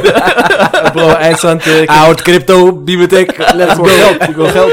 Ja, ik heb 200 euro erin gezet, nooit meer naar omgekeken. Het is nu volgens mij nog steeds 200 euro waard, dus dat is op zich wel chill. Maar ik heb daarna nooit meer wat mee gedaan. Maar net is dat beleggen, bro. Ik hoor van iedereen, je moet je geld, eh, aandelen kopen. Dan kun je met, met je eigen geld geld maken, zeg maar. Maar ik heb er eigenlijk ballen verstand van. En ik wil daar een keer in verdiepen. Maar jij geeft net aan, je doet het al best wel een tijdje, Ja. beleggen. Ja. Ehm, allereerst, waarom ben je ermee gestart? Nou, het is eh, eigenlijk gestart eh, tijdens mijn HBO-studie. Ik heb een, in de derde jaar mocht je minor doen. Eh, en toen heb ik gekozen voor een minor eh, beleggen. Ja. Omdat ik dat gewoon super interessant vond. Ehm, en ja, in die hoedanigheid ben ik eigenlijk een beetje gekomen bij beleggen. En toen ben ik eigenlijk voornamelijk met crypto bezig geweest. Omdat het echt een hype was, zoals jij benoemde. Ik denk sinds iets van 2019 of zo ben ik ook bezig met aandelen. En waarom? Nou, om het zo maar te zeggen, ik wil, eh, eh, eh, financieel onafhankelijk worden. En dan word je niet door met je geld op de bank te zetten, want sparen Nee, rente is Nee. minder dan 1%. Ja. Ik denk, er zijn twee mogelijkheden om dat eh, te kunnen doen. Of het is ondernemen. Dus je moet een ondernemer worden. Of je moet door middel van investeringen, beleggingen doen eh, om, om die financiële onafhan- onafhankelijkheid. En Te welkom krijgen. bij de postcode loterij. Dat is ook altijd nog een kans. Ja, maar ja, dat, heb ik dus eh, altijd gedacht, maar dat is eigenlijk niet zo. als, ik, als ik die kansberekeningen zie, dan is het eh, de minste, de kleinste kans die ik kan eh, En wat ook leuk is om erbij te vermelden, is dat wist je dat, dus volgens mij is het eh, iets van, als ik me niet vergis, factcheck op deze, maar in ieder geval 86% van de mensen die eh Oh ja. win, de postcode loterij winnen, zijn binnen een jaar al geld kwijt. Ja, omdat ze dus hè, geen financiële intelligentie hebben. Ze weten niet hoe ze met geld moeten omgaan. Precies. Wat gaan ze doen? Ze gaan allemaal uitgeven. Ja, impulsief aankopen. Impulsief aankopen, ze gaan veel consumeren. In plaats van dat daar we best wel, investeren. eh, ik wil daar best wel een pilot voor zijn. Dus Ik ook, met krachten of niet, eh, stort me eens 3 miljoen en dan gaan we. We hij, is, hij is weg bro, je ziet er nog meer. Tjallas. Mallorca klaar voor de rest van het leven. Een vakantiehuisje. Met ballen. Maar oké, beleggen, maar je wilt dus financieel onafhankelijk worden, et cetera, et cetera. Ehm, ik wil ook heel graag ermee beginnen. Ja. Ehm, wat is nou de kern, wat is nou de basis van beleggen? Hoe werkt dat? Want daar ben ik wel heel benieuwd mee. Ik denk dat echt eh, met alles begin bij kennis opdoen. Eh, dus je moet echt eh, je, je daarin gaan verdiepen. Door middel van boeken te lezen. eh, filmpjes op YouTube kijken. eh, podcast, hè, de, de Jong Beleggen Jong podcast. beleggen, ja. Nou, ik denk dat dat een mooie basis zijn. Eh, dus ik geloof echt dat het begint bij kennis opdoen. Mhm. En dat heb ik dan gedaan door middel van die minor. Eh, en op een gegeven moment moet je ook gewoon mee beginnen. Eh, je moet je niet laten tegenhouden. En ook al is het een niet te groot bedrag. En mensen denken van ja, je moet eh, heel veel geld hebben en dan pas gaan beleggen. Omdat je dan echt leuke resultaten kan eh, behalen. Mhm. Maar ik zou zeggen, begin dan gewoon met een x klein, percenta- klein bedrag. Ik ben bezig met. Ik ben bezig met, snap je? Hoor je, Daar Mo komt- heeft echt een nieuwe zin geleerd. Hoor je Bro, het? ik ja, nee, maar hij heeft, hij heeft daar wel echt een punt. Ja. Daar ben ik helemaal met hem eens. Mhm. Eh, het gaat erom dat je gewoon eh, mee bezig bent. eh, eh, en eh, dat je niet bang bent om te gaan investeren. Want je geld wordt sowieso minder waard. Ja, maar dat bedoel ik. Sparen levert niks op. Ja. Dus op de bank houden eh, gebeurt niks. Ja. Eh, er komt inflatie. Geld wordt minder waard. Dus je geld wordt sowieso al minder waard. Dan kun je net zo goed dat gaan eh, eh, investeren. Ja.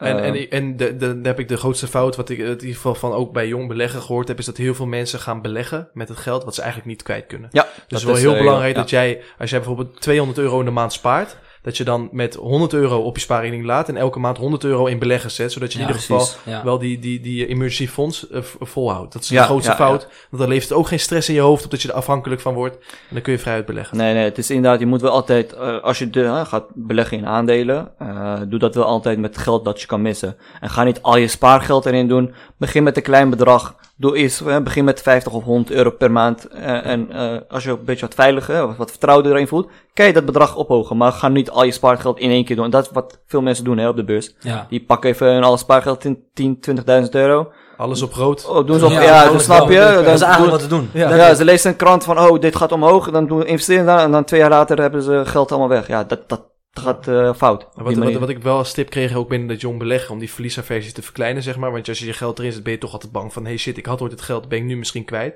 Want het is niet tastbaar voor je op dat Ja. moment.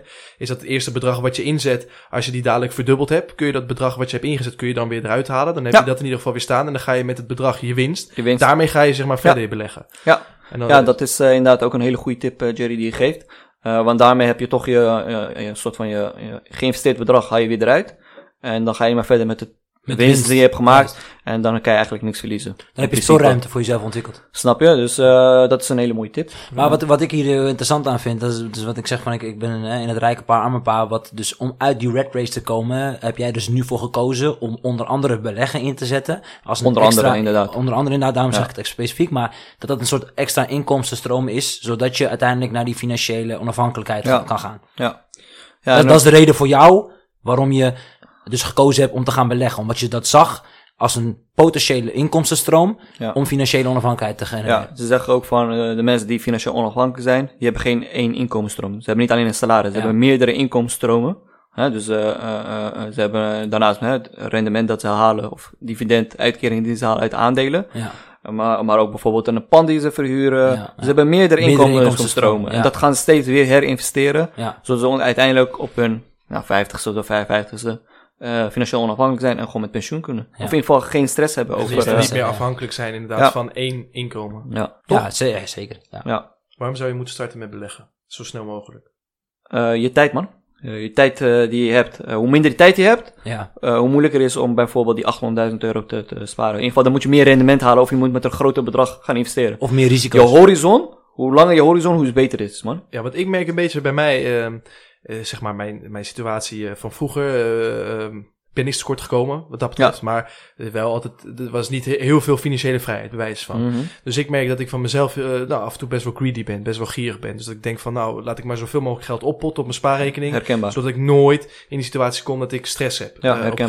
Ja. Dus mm, voor mij is de drempel om te investeren in aandelen best wel groot. Want ik op dat moment, voor mijn gevoel, niet meer de macht heb over dat geld. Dus ik ben mijn geld aan het wegdragen en ik Mhm. heb dat niet bij me, zeg maar. Ja. Dus dat is voor mij een drempel wat niet natuurlijk voelt of zo. Oké, ik ga, ik het- ga het volgende zeggen, hè. Mag, ik- mag ik een, een keer haakzakken? Ja. Is dat Maar- dan niet precies de essentie van zo'n paradigmaverschuiving? Het is namelijk zo dat jij ziet, het sparen zorgt ervoor dat jij controle houdt. Maar als jij dat geld op je bankrekening laat, dan weet je, is, is, nu, is je nu al gegeven, dat het geld over 30 jaar minder waard is. En daarnaast, Ja. Een Maar bank- begrijpen jullie dat het onnatuurlijk voelt? Het Ja, iedereen ja, ja, ja, ja, maar sowieso, maar- duidelijk, ja, logisch. en daarnaast, een bank kan omvallen, dan ben je geld, kan ook kwijt. Ja, Kijk, ja, je hebt tot die, een ton. snap je, maar oké, stel voor je hebt meer dan een ton, Ja, ja. je geld kan ook gewoon Heb weg jij die zijn. meer dan toch? Voetballer. Ja, hè? nou, misschien wel. Voetballer. Ja, Als je wat ouder bent, dat bedoel ik. Maar Maar inderdaad, met- sponsoren, Amigos podcast. Maar ook met inflatie, wat Dan jij moeten zegt, jullie man. mij elke keer meneer noemen. Dan krijgen jullie die 500 euro voor. Meneer Jerry. Ja, ik zie, volgende aflevering staat ik met meneer Jerry. maar, goed. nee, maar het, het voelt voor mij heel natuurlijk aan om bepaald geld ergens te investeren. En dan zie ik het niet meteen terug. En dan- snap je, dat is een beetje het enge of zo. Ja, maar is dat, is dat gewoon een beetje een soort van eh, kennis die je mist? Hè, financiële intelligentie die je mist dan? Ja, blijkbaar. En ik, wil- ik zeg ook dit, het, oh, Ja. ik wil graag beleggen. Maar Ja. de tijd ervoor nemen en onderzoek doen. Iets Ja. weerhoudt me ervan. Omdat ik denk, hm, ik hou dat geld liever... Ja, de onbekende maar wat doe je liever? Wat doe je liever? 40 jaar werken tot je 65ste eh, en dan eh leven van je pensioen? Of eh, je, je kennis nu in opdoen, eh, je, je verdiepen in eh, beleggen en investeren en dan eh, met je 50, 55ste eh, met pensioen gaan, 10 jaar eerder? Is dat, is dat ook niet een enge gedachte? Dat jij gewoon 40 jaar moet gaan Ja, werken? ik, ben, ik ben het er volledig mee eens, bro. Ik ben het volledig mee eens. Ja. maar Het is gewoon een doordat- drempel. de drempel en doordat je altijd gewend bent van... hey, shit, ik wil nooit meer Ja, in die situatie komen, zeg maar. ja. Dus dan hou ik het geld maar bij me. Terwijl als je aandelen hebt, dan elk moment wanneer je het nodig hebt... kun je het ook altijd weer uitcashen, toch? Bij wijze van. Bij wijze van, Als het echt, het is niet handig voor de lange termijn. Nee, maar het zou nee. eventueel... het- je bent je geld niet kwijt. Nee, Je precies. kan er kwijt raken. Als je het Ja. veel dom doet. Nou, als je gewoon een slechte jaar is en de beurzen zijn omlaag, ja, dan ben je, moet je even je wachten. deel. Ja, mis je deel, dan moet je wachten. Tenzij het echt, echt belangrijk is dat je hem echt eruit haalt. Dan kun je Mhm. alsnog altijd eruit halen. Eh, maar het hoeft niet. Eh, maar inderdaad, wat je zegt, je kan altijd eruit halen. Maar wat zou, wat zou nou dan concrete tips voor mij zijn als ik hier nu mee wil beginnen? Ah, is, het Concreet niet- is niet een idee, boys, want ik merk dat we dit onderwerp vinden we allemaal wel interessant. Ik denk dat het misschien wel gewoon interessant is om een hele podcast te wijten aan zowel het beleggen en cryptocurrency ook meteen mee te nemen. Want aangezien dat zo super interessant is, dan kunnen we het echt zeg maar even verdiepende dingen maken in die, eh, in die twee onderwerpen. Ja, we kunnen zeker een verdieping maken. Maar ik denk ook voor de luisteraars eh, is ook wel leuk een concreet tip. Ja. Ik zou echt beginnen met financieel eh, kennis opdoen. Eh, en dan heb ik zo meteen op het einde nog wel leuke tips daarvoor. Tip van de week. Blijf hangen. Precies. Dus daar kunnen we, ja, zoals ik zei, echt kennis opdoen en gewoon beginnen, man. Het begint al met een rekening openen.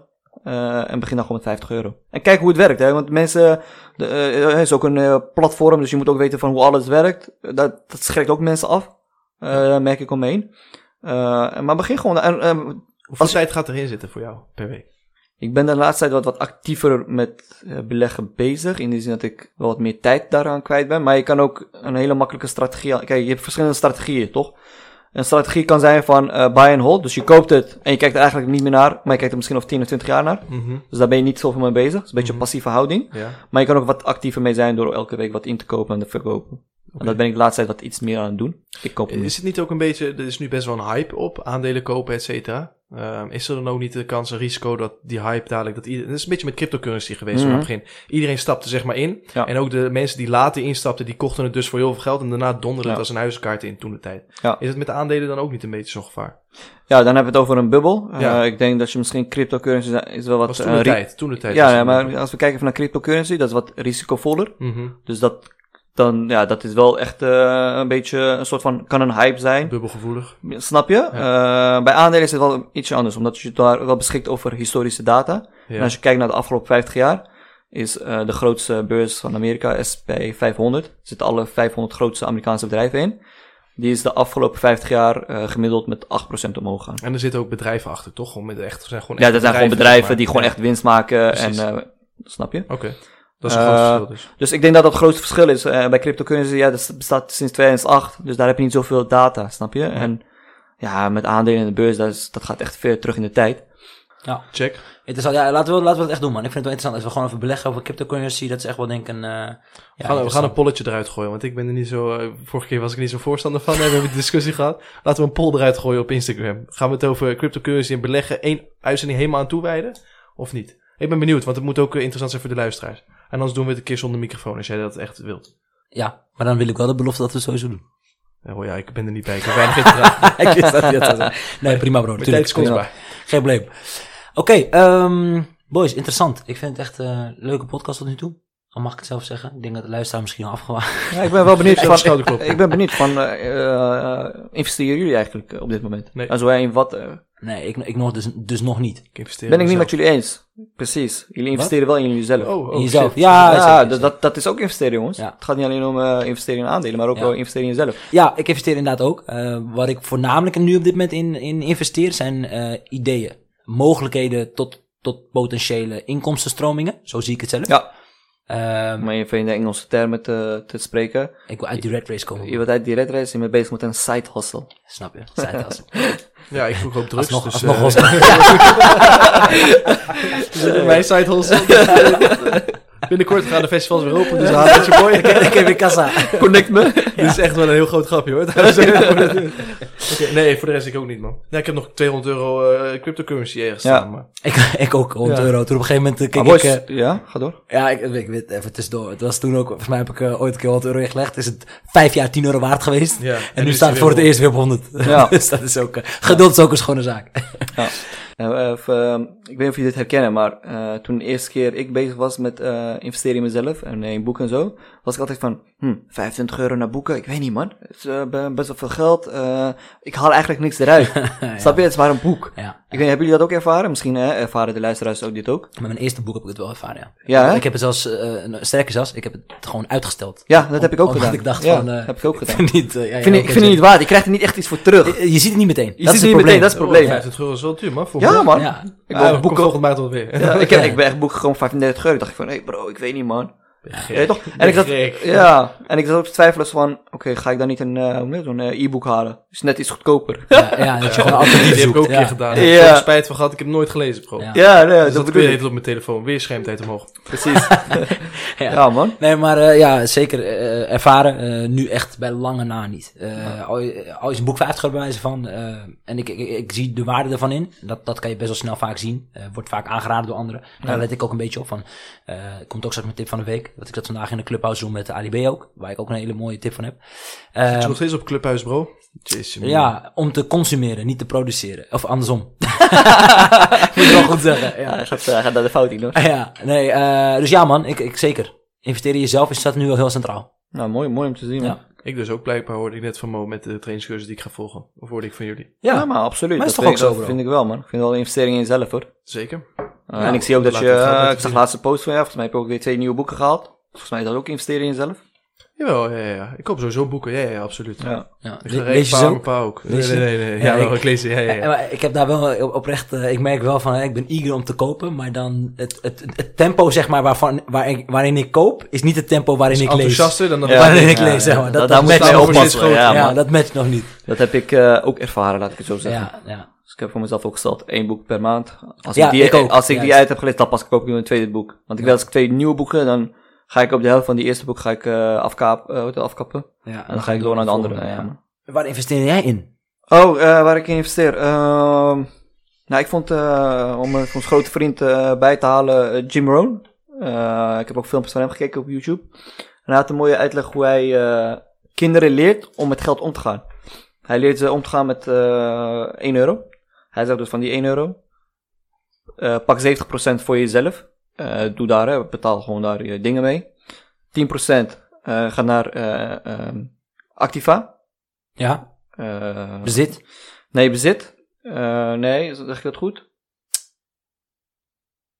Denk er even over na voordat je hem afmaakt. Weet je wat ik zo interessant vond, bro? Vroeger had ik had, had ik 10 euro en dacht ik, joh, als ik 100 euro heb, dan ben ik toch teringrijk, hè? Ken je die nog? En dan vroeger, weet je, we ouder dacht je, joh, als ik 200 euro heb, Ja. en nu Ja. denk ik, oh joh, als ik 1000 euro heb, Ja. en nu 10.000, denk ik, Steeds meer en meer, bro. Het wordt steeds meer, man. Ja, man. dat Ja. vond ik echt, Ja. die vond ik zo herkenbaar, bro. Als ik vroeger 100 euro kreeg na mijn verjaardag, dacht ik echt, wait, joh, ik ben Bereik. alweer Bereik. rijk. Ja, En ja. nu 100 euro ben je binnen een half, één avondje in Amersfoort uitgaan, ben je 100 euro kwijt, ja, van. ja. Het wordt ook steeds minder waard. Als je nou die eagerheid van een kind nog houdt, dus je denkt, oh, 100 euro is echt veel, wat je daarmee kan, Ja. dan kun je wel misschien, eh, ja...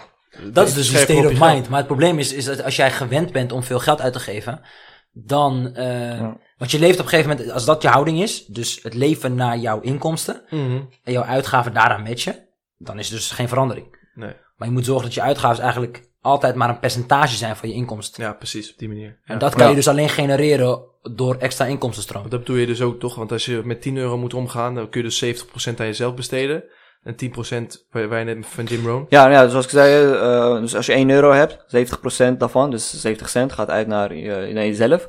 10% gaat naar eh, actieve eh, eh, beleggingen. Mhm. Dat zijn dus eh, ehm, nou, eigenlijk een soort van side hustle, dus waar je Mhm. projecten, ondernemingen, eh, daar gaat 10% naartoe. De andere 10% gaat naar passieve eh, bezittingen. Eh, denk aan aandelen, eh, vastgoed bij wijze. Ik zeg niet dat je met eh, 10 cent een vastgoed kan kopen. Ja, ja, ja, maar, Maar dat, het is idee, die, het idee. dat het idee is zeg Ja. maar in percentage te werken. Ja. En 10% zegt hij, besteed dat uit aan goede doelen. Dat vond ik wel een mooie Oh, mooi, om man. te benoemen, Ja. man. Want ze zeggen ook van, eh, wie niet eh, kan delen, kan niet vermenigvuldigen. Ja, uh, Mobice papa. Dus, eh Tricep, papa. ja, dit was de tricep variant. nee, maar dat is ook wel belangrijk. met 1 euro. ja, dat is Tricep doet met push-ups, maar Ja. motricep. Nee, maar dat is ook wel belangrijk om ook eh, inderdaad ehm, geld te ge- geven. Geld te geven, dat, daar begint het. Als je geeft, hoe meer geld je geeft, hoe meer je het ook teruggeeft. Ik heb, ik- ik heb een beetje een nare smaak bij goede doelen of zo, man. Ja, met goede doelen snap ik het. Snap ik, je kan, snap ook, je kan daar ook een, een eigen variant van maken. Absoluut. Eh, bro, ik heb ook goed doel. Stort nu op mijn rekening, bro. Ik ben echt een lieve jongen. Ik ben ook goed doel. Nee, Ja, maar kijk- ik vind, ik heb een goede doel altijd een nare smaak of zo. Maar goed, dat is misschien mijn ding. Nou, kijk, vanuit, vanuit mij is, is eh, daarin ook het geloof, zeg maar, een beetje het Ja. uitgangspunt. Eh, er, is, er is een hadith, dus een overlevering, zeg maar, van de profeet, waarin gezegd wordt eh, dat er een man eigenlijk, eh, als ik hem goed zeg, eh, hij had vier eieren, hij had niks meer te eten. Maar zijn buurman, die, die was arm en die vroeg om die eieren. Ehm, doordat hij die vier eieren heeft hij alsnog gegeven. En de volgende dag stond er iemand op de stoep met 40 eieren. Dus dat Ja. betekent dat jou, eh, wat je geeft, dat krijg je eigenlijk tien keer zoveel Tien terug. keer zoveel terug. Ja, En dat is een beetje het gegeven wat, wat ook eh, in, in dat opzicht ook mij motiveert om eh, vooral te geven ook. ja Ik man. heb heel veel gegeven afgelopen jaren, dus Ik hoop dat ik er heel goed in, man. Alleen Nee, de maar- verkeerde dingen heb jij gegeven. Nee, maar ik zeg eerlijk, ik was, eh, vroeger had het ook niet heel breed, eh, eerlijk gezegd. Nee. Eh, dat is ook denk ik wel voor mij een van de redenen dat ik eh, wel goed heb leren omgaan met geld. Precies, ja. Eh, eh, en ook gewoon positief eh, ben ingegaan met eh, beleggingen. En gewoon in ieder geval een systeem voor jezelf ontwikkelen om daarmee goed om te gaan en niet later daarvan een stress te krijgen. Precies. En toen was ik vroeger was ik ook voor mij altijd van toch een beetje soort, ja, een soort van greedy van ik kan niet veel geven omdat je ook niet veel had toch. Dus ben je ook niet snel toe bereid om te geven. Zeker. Maar op een gegeven moment, als je dat gewoon, ja, je groot inkomen, ja, veel inkomen hebt of zo, eh, dan kan je dat ook wel doen. En ik denk dat het gewoon belangrijk is dat je van, vanaf het begin al, ook al heb je niet veel, ook al heb je misschien die, wat ik zeg, letterlijk die 1 euro, besteed alsnog die 10 cent aan goede doelen, man. Maakt niet uit, want het gaat, eh, ik denk dat het moeilijker is als jij 100.000 euro hebt om die 1% te geven, of die 10%, dan als jij eh 10 euro hebt. Ja, eens. Ja. Toch? Dan is dat, Ja, dat ja, voelt, dat voelt als groot bedrag. groter verlies. Ja. Maar als jij die percentage aanhoudt, dan maakt het voor jou niet uit. Want je Ja. bent toch al gewend om die 10% te geven. Dit, dat is- is het belangrijkste tip is die jij nu meegeeft, continu. Je hebt het niet continu over bepaalde percentages, over Ja. Als je je percentage gewoon altijd vasthoudt, zowel aan je vaste lasten, aan jezelf, aan je pa- activa, passiva, et Ja. cetera, hoe meer je gaat verdienen, hoe minder je Ja. gaat verdienen. Als je die percentages vasthoudt, zit je altijd goed. ja, man. Zeker. Dat het tijd wordt voor de platte hand van de week. Oh ja, die is ook nog. ja. Maar willen we nog even hier even concreet een soort van aantal eh, van doe dit, uh, Ja, weet over beleggen. Zal ik hem samenvatten? Want ik denk dat Nee, het maar ik denk dat het wel goed is. Oké, ik Ja. denk dat we al best wel veel besproken hebben in deze uitzending. Eh, Ja, is ook wel best veel, wel veel handvaten en concrete tips hebben meegekregen, maar we zijn nu alweer een uur verder, al langer. Dus dat kan ook een keer verdwijnen. Ja. Laten we kort en even samenvattend, wat willen we de kijkers nog meegeven vanuit onze ervaring, vanuit ons perspectief, wat kan helpen? Ja. Ehm, Zal ik aftrappen? Ja, zeker. Ik denk, ik denk eh, dat, dat de grootste wat ik, eh, wat ik vandaag gehoord heb, is eh, dat het allemaal begint bij kennis opdoen. Bewustzijn. bewustzijn, bewustzijn. Ehm, dat is eigenlijk het eerste. Dus waar je ook in mee bezig wil zijn, is het het financieel stabieler worden, is het een extra inkomstenstroom genereren, is het ehm, meer willen geven of weet ik veel, wat het ook mag zijn. Begin met kennis opdoen. En, wat En is daar wil ik de een. belangrijkste kennis? Ik denk inderdaad dat ehm, het belangrijkste, tenminste waar we allebei, alle drie eigenlijk wel een beetje dingen uit eh, gehoord hebben, is rijke pa, arme pa. Ik denk dat dat wel een, een vuistregel is geworden voor de, dit soort inzichten. Ja. Veel Ehm, bewustwording daarvan. Ja, heel veel bewustwording. En eh, daaraan toevoegend een, een, een change of mindset. Niet consumeren, maar produceren. En dat gewoon als leidraad aanhouden. Hele goeie. dat is mooi, dat is voor het begin. Daarna denk ik het in kaart brengen van je vaste lasten. Of in ieder geval, waar geef ik in godsnaam mijn geld nou aan uit? Bijvoorbeeld, ik ben ook bezig geweest met onnodige kosten. Ik had heel veel abonnementje hier, abonnementje daar, 10 euro, 10 euro. Uiteindelijk zit je 50, 60 euro. Ja. Ja. Maar wat haal je er eigenlijk uit? Peanuts. Dus daar ben ik ook mee gestopt. Dat scheelt alweer in je vaste last. Op jaarbasis scheelt het enorm veel geld. En met dat geld kun je dat weer besteden. Dus in kaart brengen. eh, wat zijn mijn lasten? Wat moet ik betalen en wat niet? En inderdaad eerst jezelf uitbetalen. En dan vooral belangrijk het reduceren van je onnodige uitgaven, je onnodige kosten. En dan hebben we het niet over ervaringen dus. Maar Ja. eh, zak chips, eh, junkfood, et cetera, wat je niet verder helpt. Ja. En belangrijk is daarbij dus eh, een overzicht voor jezelf Overzicht creëren. in kaart brengen. Wat zijn je inkomen en wat zijn je maandelijkse uitgaven? Precies. Ja, nou, mooi. Wat ik zou nog wil toevoegen is, eh nou, probeer een soort van systeem voor jezelf te ontwikkelen. Zoals ik al benoemde in de podcast, hoe je met je geld moet omgaan als je salaris is gestort. Probeer echt voor jezelf een systeem te ontwikkelen. En daarnaast, eh, ja, Extra tip van de week. nou, wil je meer weten over beleggen, eh over investeren of beleggen, ik zou zeggen, eh, beleggen de podcast. Jong dat is beleggen. een Ja, hele, jong jong, beleggen, beleggen, sorry, ja, jong beleggen ja. is Dat is een een hele goed mooie, man. Ja. hele mooie podcast om daarmee te beginnen. Eh, dat is echt de basis. Daarnaast heb je het filmpje van eh, Jim Rohn, waar ik net eh, naar refereerde. Voor het eh, systematisch, eh, hè, de 10%. De, De 10% of in ieder geval hoe je qua percentages moet werken. Ja, Ehm, en dat je daar eigenlijk jongs, jongs af eh, vanaf moet beginnen. Jongs af. Vanaf. Jongens af aan. jongs Oh, af oh, aan. Was dat hem? Dat je vanaf jongs af aan eh, mee moet beginnen. Eh, het filmpje heet Jim Rohn, How to Gain Financial Independence Fast. Oké. op je YouTube, staat het. Ja. Eh, Zal ik die trouwens eh, voor de luisteraar ook even toevoegen in de tip van de week? Ik denk, eh week. die Ja, doen we extra tip leuk. van de week. Leuk. Ja, het is 45 minuten. Ik zou zeggen, investeer dat heel goed. Investeer, dat, eh, investeer daarin. Mooi. Lekker uit mijn woorden vandaag. Lekker man. Maar wa- dit waren toch niet de tips van de week, of wel? Nee, nee, nee. nee. van de week Oké. komen zo meteen. Maar Ik- ik, denk dat het tijd wordt voor de platte Ja. hand van de week.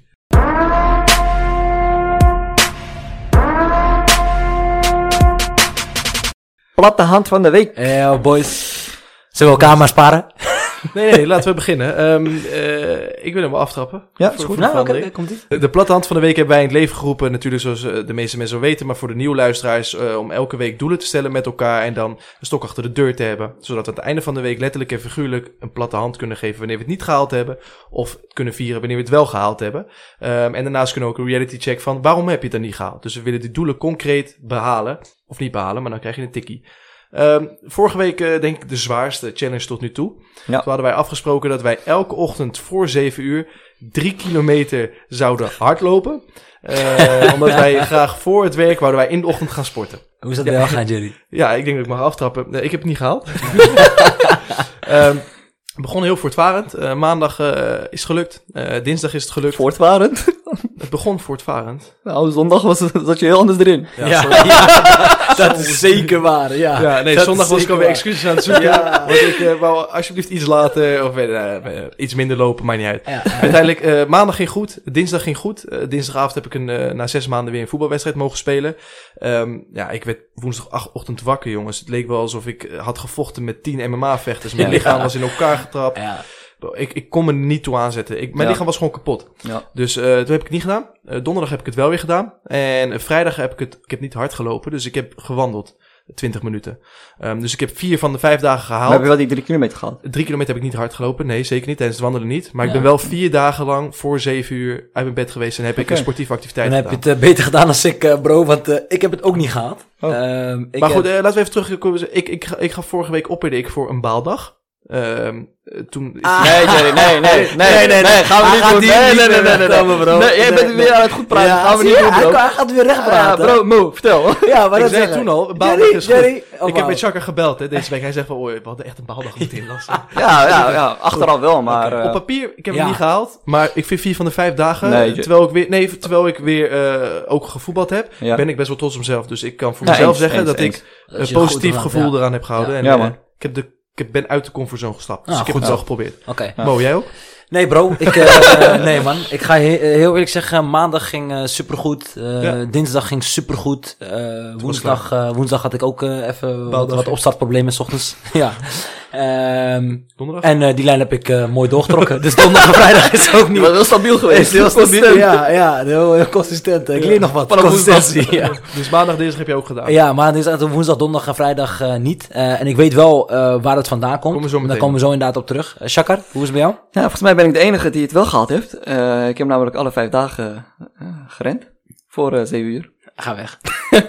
nee, maar, Nee, ja, maar juist, ja. ik, eh, ik heb het ook niet gehaald. Oh, ik dacht oprecht dat Bro, je het ik- gedaan had, ik dacht Want dat je hij had- was geflasht had, bro. Want je had maandag als e- enige had je hem op Strava gedeeld. Maar ik dacht misschien die dagen daarna heb je hem gewoon wel screenshot gemaakt, maar heb je hem niet gepubliceerd. Ja, ja, om die toneel is het. Ja. ja. je Ik, had het eigenlijk gewoon door kunnen trekken, want jullie had mij weinig geloofd. Nee, wat had ik die Strava afbeeldingen Oh, gezien. ja. Ja, Dus- 100 procent. Nee, maar boys, eerlijk eh, niet gehaald. Eh, ik heb maandag heb ik het eh, gedaan. Eh, zat er lekker in. Eh, dinsdag, eh, vanaf dinsdag ging het al niet meer, man. Omdat ik, eh, ik denk de belangrijkste voor mij was, dat ik het niet heb gehaald, is dat ik geen sterke waarom had. Geen Ja. sterke why. Ja, ja, die voel ik. Dat was ook mijn ding, man. Dat was ook die mijn voelde ik echt, man. Want ik zat Ja. alleen maar te denken, oh, ik ga het doen omdat ik voor die boys en voor platte hand. Maar Ja. dat is niet de sterke why. Nee, dat is Nee, precies nee, dat. Ik, nee. ik Voelde dacht ook. ook van, eh, dat is challenge, daar doe ik het voor. Maar die challenge was voor mij nog niet sterk genoeg om... Steeds dat stemmetje in je hoofd, toch? Die, eh, Ja, Ja, nee, ja, maar ja. het is letterlijk, het is best wel een uitdaging om voor 7 uur eh, te gaan hardlopen. En dus 6 uur op te staan. En als je niet een sterke why hebt, ja, dan gaat echt niet gebeuren. Nee, en eens. als ik dat even reflecteer, toen ik ging sporten om 5 uur, ik had een sterke why op dat moment.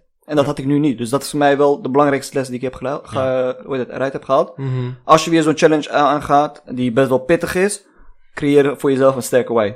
Ja. Eh, Ja, bro, dat is precies mijn ding ook, man. Ja, man. Ehm, ik voel je echt volledig daarin. Ik had, eh, eh, de why was sterk genoeg voor de eerste twee dagen. Ja. En het moment toen ik merkte dat mijn lichaam eigenlijk aangaf van je moet even rusten. Want ik had zondag gefitness, Ja, maandagochtend ge- ja. hardlopen, maandagavond gefitness, dinsdagochtend hardlopen, maandag, dinsdagavond fitness en toen woensdag was klaar. Eigenlijk, eigenlijk heb je gewoon je eh, vijf trainingen op, in drie dagen In drie gedaan, dagen gedaan, snap je? Is, dus eh, eh, ook misschien iets veel van het goede. ja, maar ehm, toen, en dan had ik wel in mijn hoofd van oké, woensdag en dan kan ik daarna die knop weer omschakelen. Hmm. Maar dat is dus die why die ontbrak. ja, Dat is Ja. precies dat moment dat ik hem nodig. Want als die why daar wel was, dan had je dus wel die switch kunnen maken. Ja man. Ja, mijn why was Dus ik ben niet trots bro. op mezelf deze week, man. Mijn- Nee, ik ook niet, Ja. man. Totaal niet. Mijn, why was mijn ego, bro. Toch alleen maar, hey, ik ga donderdag en vrijdag toch nog iets doen. Dan kan ik weer Ja. stoer doen in de podcast. Want ik wist dat jullie het sowieso niet Jouw ego is hadden. dus een goede why. Mijn ego is echt een goede why. Ja, voor hem werkt het. Voor Ja, hem werkt als het werkt. als- Ja. Nee, maar dat was niet de goede why. Nee, oké, Absoluut niet. Maar voor, eh, voor zo'n challenge, prima. Ja, maar Voor tijdelijke- tijdelijke why. dan had ik Ja. eh, woensdag ook moeten doen, bro. Maar eh, ja, fysiek was niet haalbaar. Maar goed, Ja. eh, ik denk dat we, we gaan er niet aan tot komen. We gaan elkaar toch... eh, oh nee, niemand mag elkaar een platte hand Nee, man. Ja.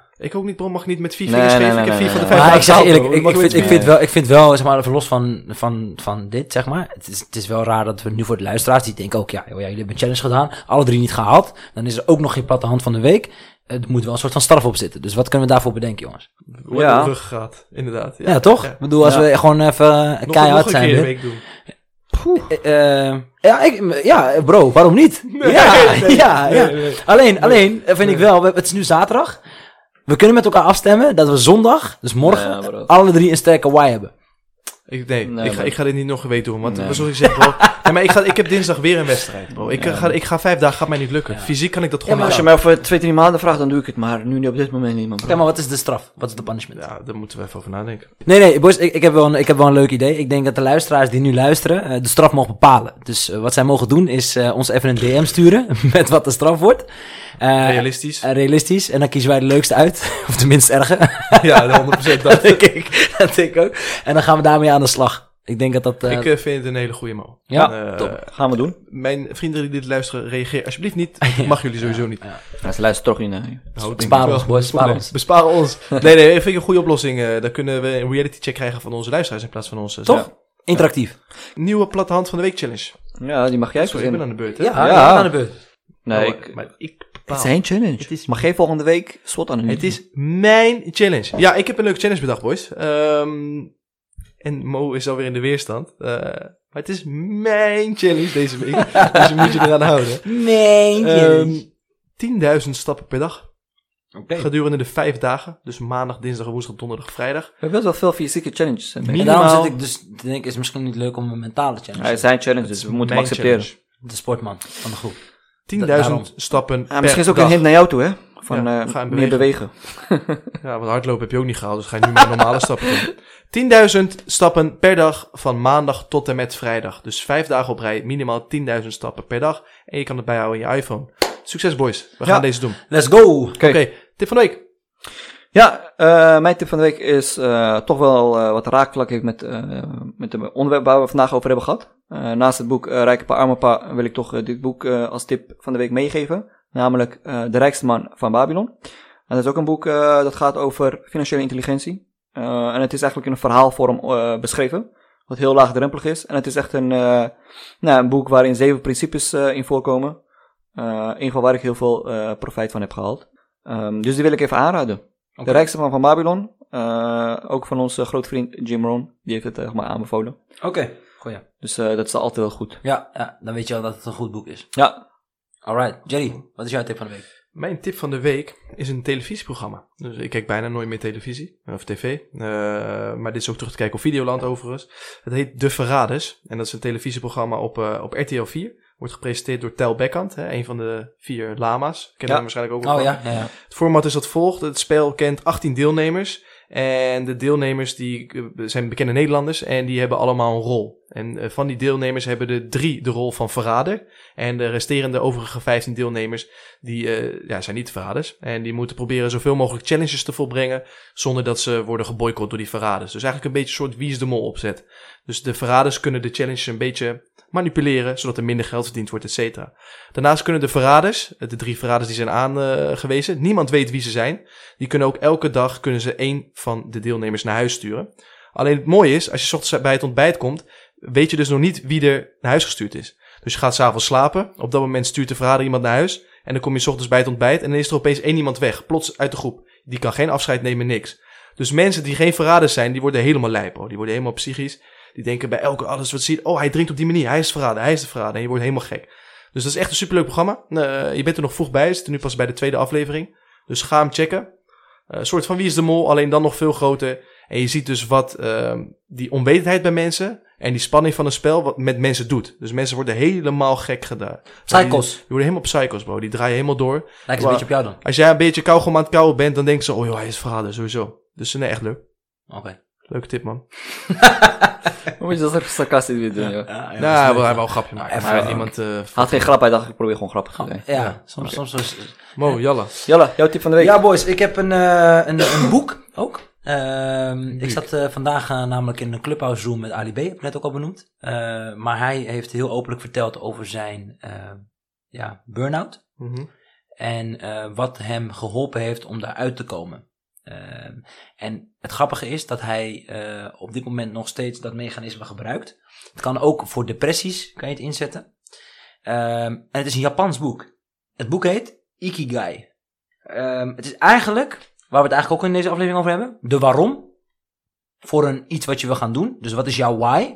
Is dit eigenlijk, waar kom jij überhaupt 's ochtends je bed voor uit? Dus Mhm. wat is de reden van jouw bestaan?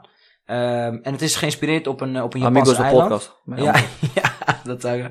Alleen op zaterdag. Alleen zaterdag, ja. Nee, het is geïnspireerd op een, eh, op een eh, ja, ge- eigenlijk een eiland, het Japanse eiland Okinawa, eh, waar de geheimen in zitten. eh, en het grootste geheim van het eiland is eigenlijk dat mensen daar meer dan 100 jaar worden. Het is het eiland met de meeste, po- grootste populatie van mensen die dan meer dan 100 jaar worden. En dat komt, zo vertellen zij, dus dat zij een ikigai hebben. Dus de waarom, het bestaansreden Ja. van waar, waarom zij op de wereld staan. En eh, de grootste les van het boek, zoals Ali het eigenlijk uitlegt, is, is dat er geen voorwaarden of verwachtingen meer zijn, maar alleen de reden waarom jij er bent. En daardoor kan je dus, want dat is vaak met burn-out, alles is heel, heel belangrijk. Daardoor krijg je een burn-out, want je wil heel veel balletjes op hoog houden, je vindt dit belangrijk, je vindt dat belangrijk. En Maar je daardoor, doet niet iets wat je, waar je energie van krijgt of wat je leuk vindt. Precies. De En- waarom. juist, de waarom. En, en nee, het- gaat zeg maar meer, verder nog dan dat. Het is zeg maar meer van je wil zoveel, maar wat wil je nou echt? En dat is die ikigai. Oké. Dus eh, eh, ja, dat is eigenlijk de tip. Dus ik zal hem nog even delen en dan een andere tip natuurlijk ook op onze shows- socials. Ja, want wanneer doen we dat, Mo? Elke zondagmiddag. Oké, je wil geen tijd geven. Nee. Oké. Ja, eh, leuke tips van de week. Eh, interessante aflevering, denk ik. Eh, veel kennis gedeeld, vooral vanuit Chakar, eh, omdat die daar al wat langer mee bezig is. Vond je een leuke podcast, Jerry? Daar ben ik wel even benieuwd naar. Ehm, ja. Ja, ja, want ik heb veel, veel praktische tips gekregen waar wij het nog niet over gehad hebben. Dus dat vond ik leuk. Oké, mooi om te horen. Ehm, dus ja, ja, waarom vraag je dat? Nee, niks joh. Oké, oké. Dat we dat eh, even tussen ons houden, hè? Nee, Ja. dus maar ik, eh, ik heb wel door dat ik ook op de goede weg ben daarin. Dus ik heb sowieso niet veel problemen gehad. Nou ja, qua buffer is bij mij altijd wel goed geweest. Ik heb altijd goed gestekt en zo. Ik ben best wel gierig geweest qua uitgaven. Eh, alleen, dat was dus inderdaad ehm, de verkeerde weg. Want dan ben je het aan het stekken en aan het ophopen. Maar je doet eigenlijk niks met je geld. Ja. En ik ga deze week een ABN AMRO rekening eh, aanmaken. 100%. Ja. Ik ook, man, 100%. Eh, Lekker, man. ook nog een challenge voor ons eh, deze week. Ja, ja, dat is ook een goeie. Ook ja. een platte hand van de week. Als Mo en ik volgende week geen eh, ABN AMRO rekening Ik, hebben, mag je eh, een platte hand mhm. geven. Ik, uh, ik een goeie, man. Ja, toch? man. Ja. Dus dubbele platte hand. Ja. Lekker, En man. 10.000 stappen per dag, hè?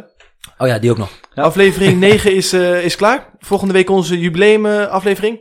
Ja, we gaan groots uitpakken, jongens. Ja, we hebben t-shirts toch met Amigos de podcast. Ja, en we eh, hebben grote gasten. ja, Hele grote ja, gasten. ja. Ja, man. Johan Derksen komt ook. Eh, ook, eh, Oh. waarom zeg je dat? Onder, Oh, sorry, onder andere, hè. Ja, nee, een hele setting VI komt langs. eh John de Mol. Hij is vooravond trouwens, hè. Wat, eh, vooravond? Johan Derks is voor, vooravond. Oké, hij is geen hij doet- Hij is geen het of... eh, Gaat, gaat hij de quote doen? De, de eerste Hij mag de quote. hij Hij de mag quote doen. We hebben nog grotere namen die komen op het Wat een bullshit, er is niemand. De- deze podcast slaat als kut op Dirk. Welkom bij Amigos. ja, zo zou hij het zo doen. Ja, man. Nee, boys. Ja, het zit erop, jongens. Ja, ik zou alleen zeggen tot volgende week, lieve luisteraars. Tjallas. Dank voor het luisteren. Ga je weer zingen? En- Dag, vriendjes en vriendinnetjes. Tot de volgende keer maar weer. Hey, je moet dit wel even editen, man, want anders... streamen. Keer op keer. Hey, mooie toevoeging, Shaka. Ik distancieer me hiervan. Ciao. Let maar op, hij gaat binnenkort meedoen. Als er veel geld van te verdienen.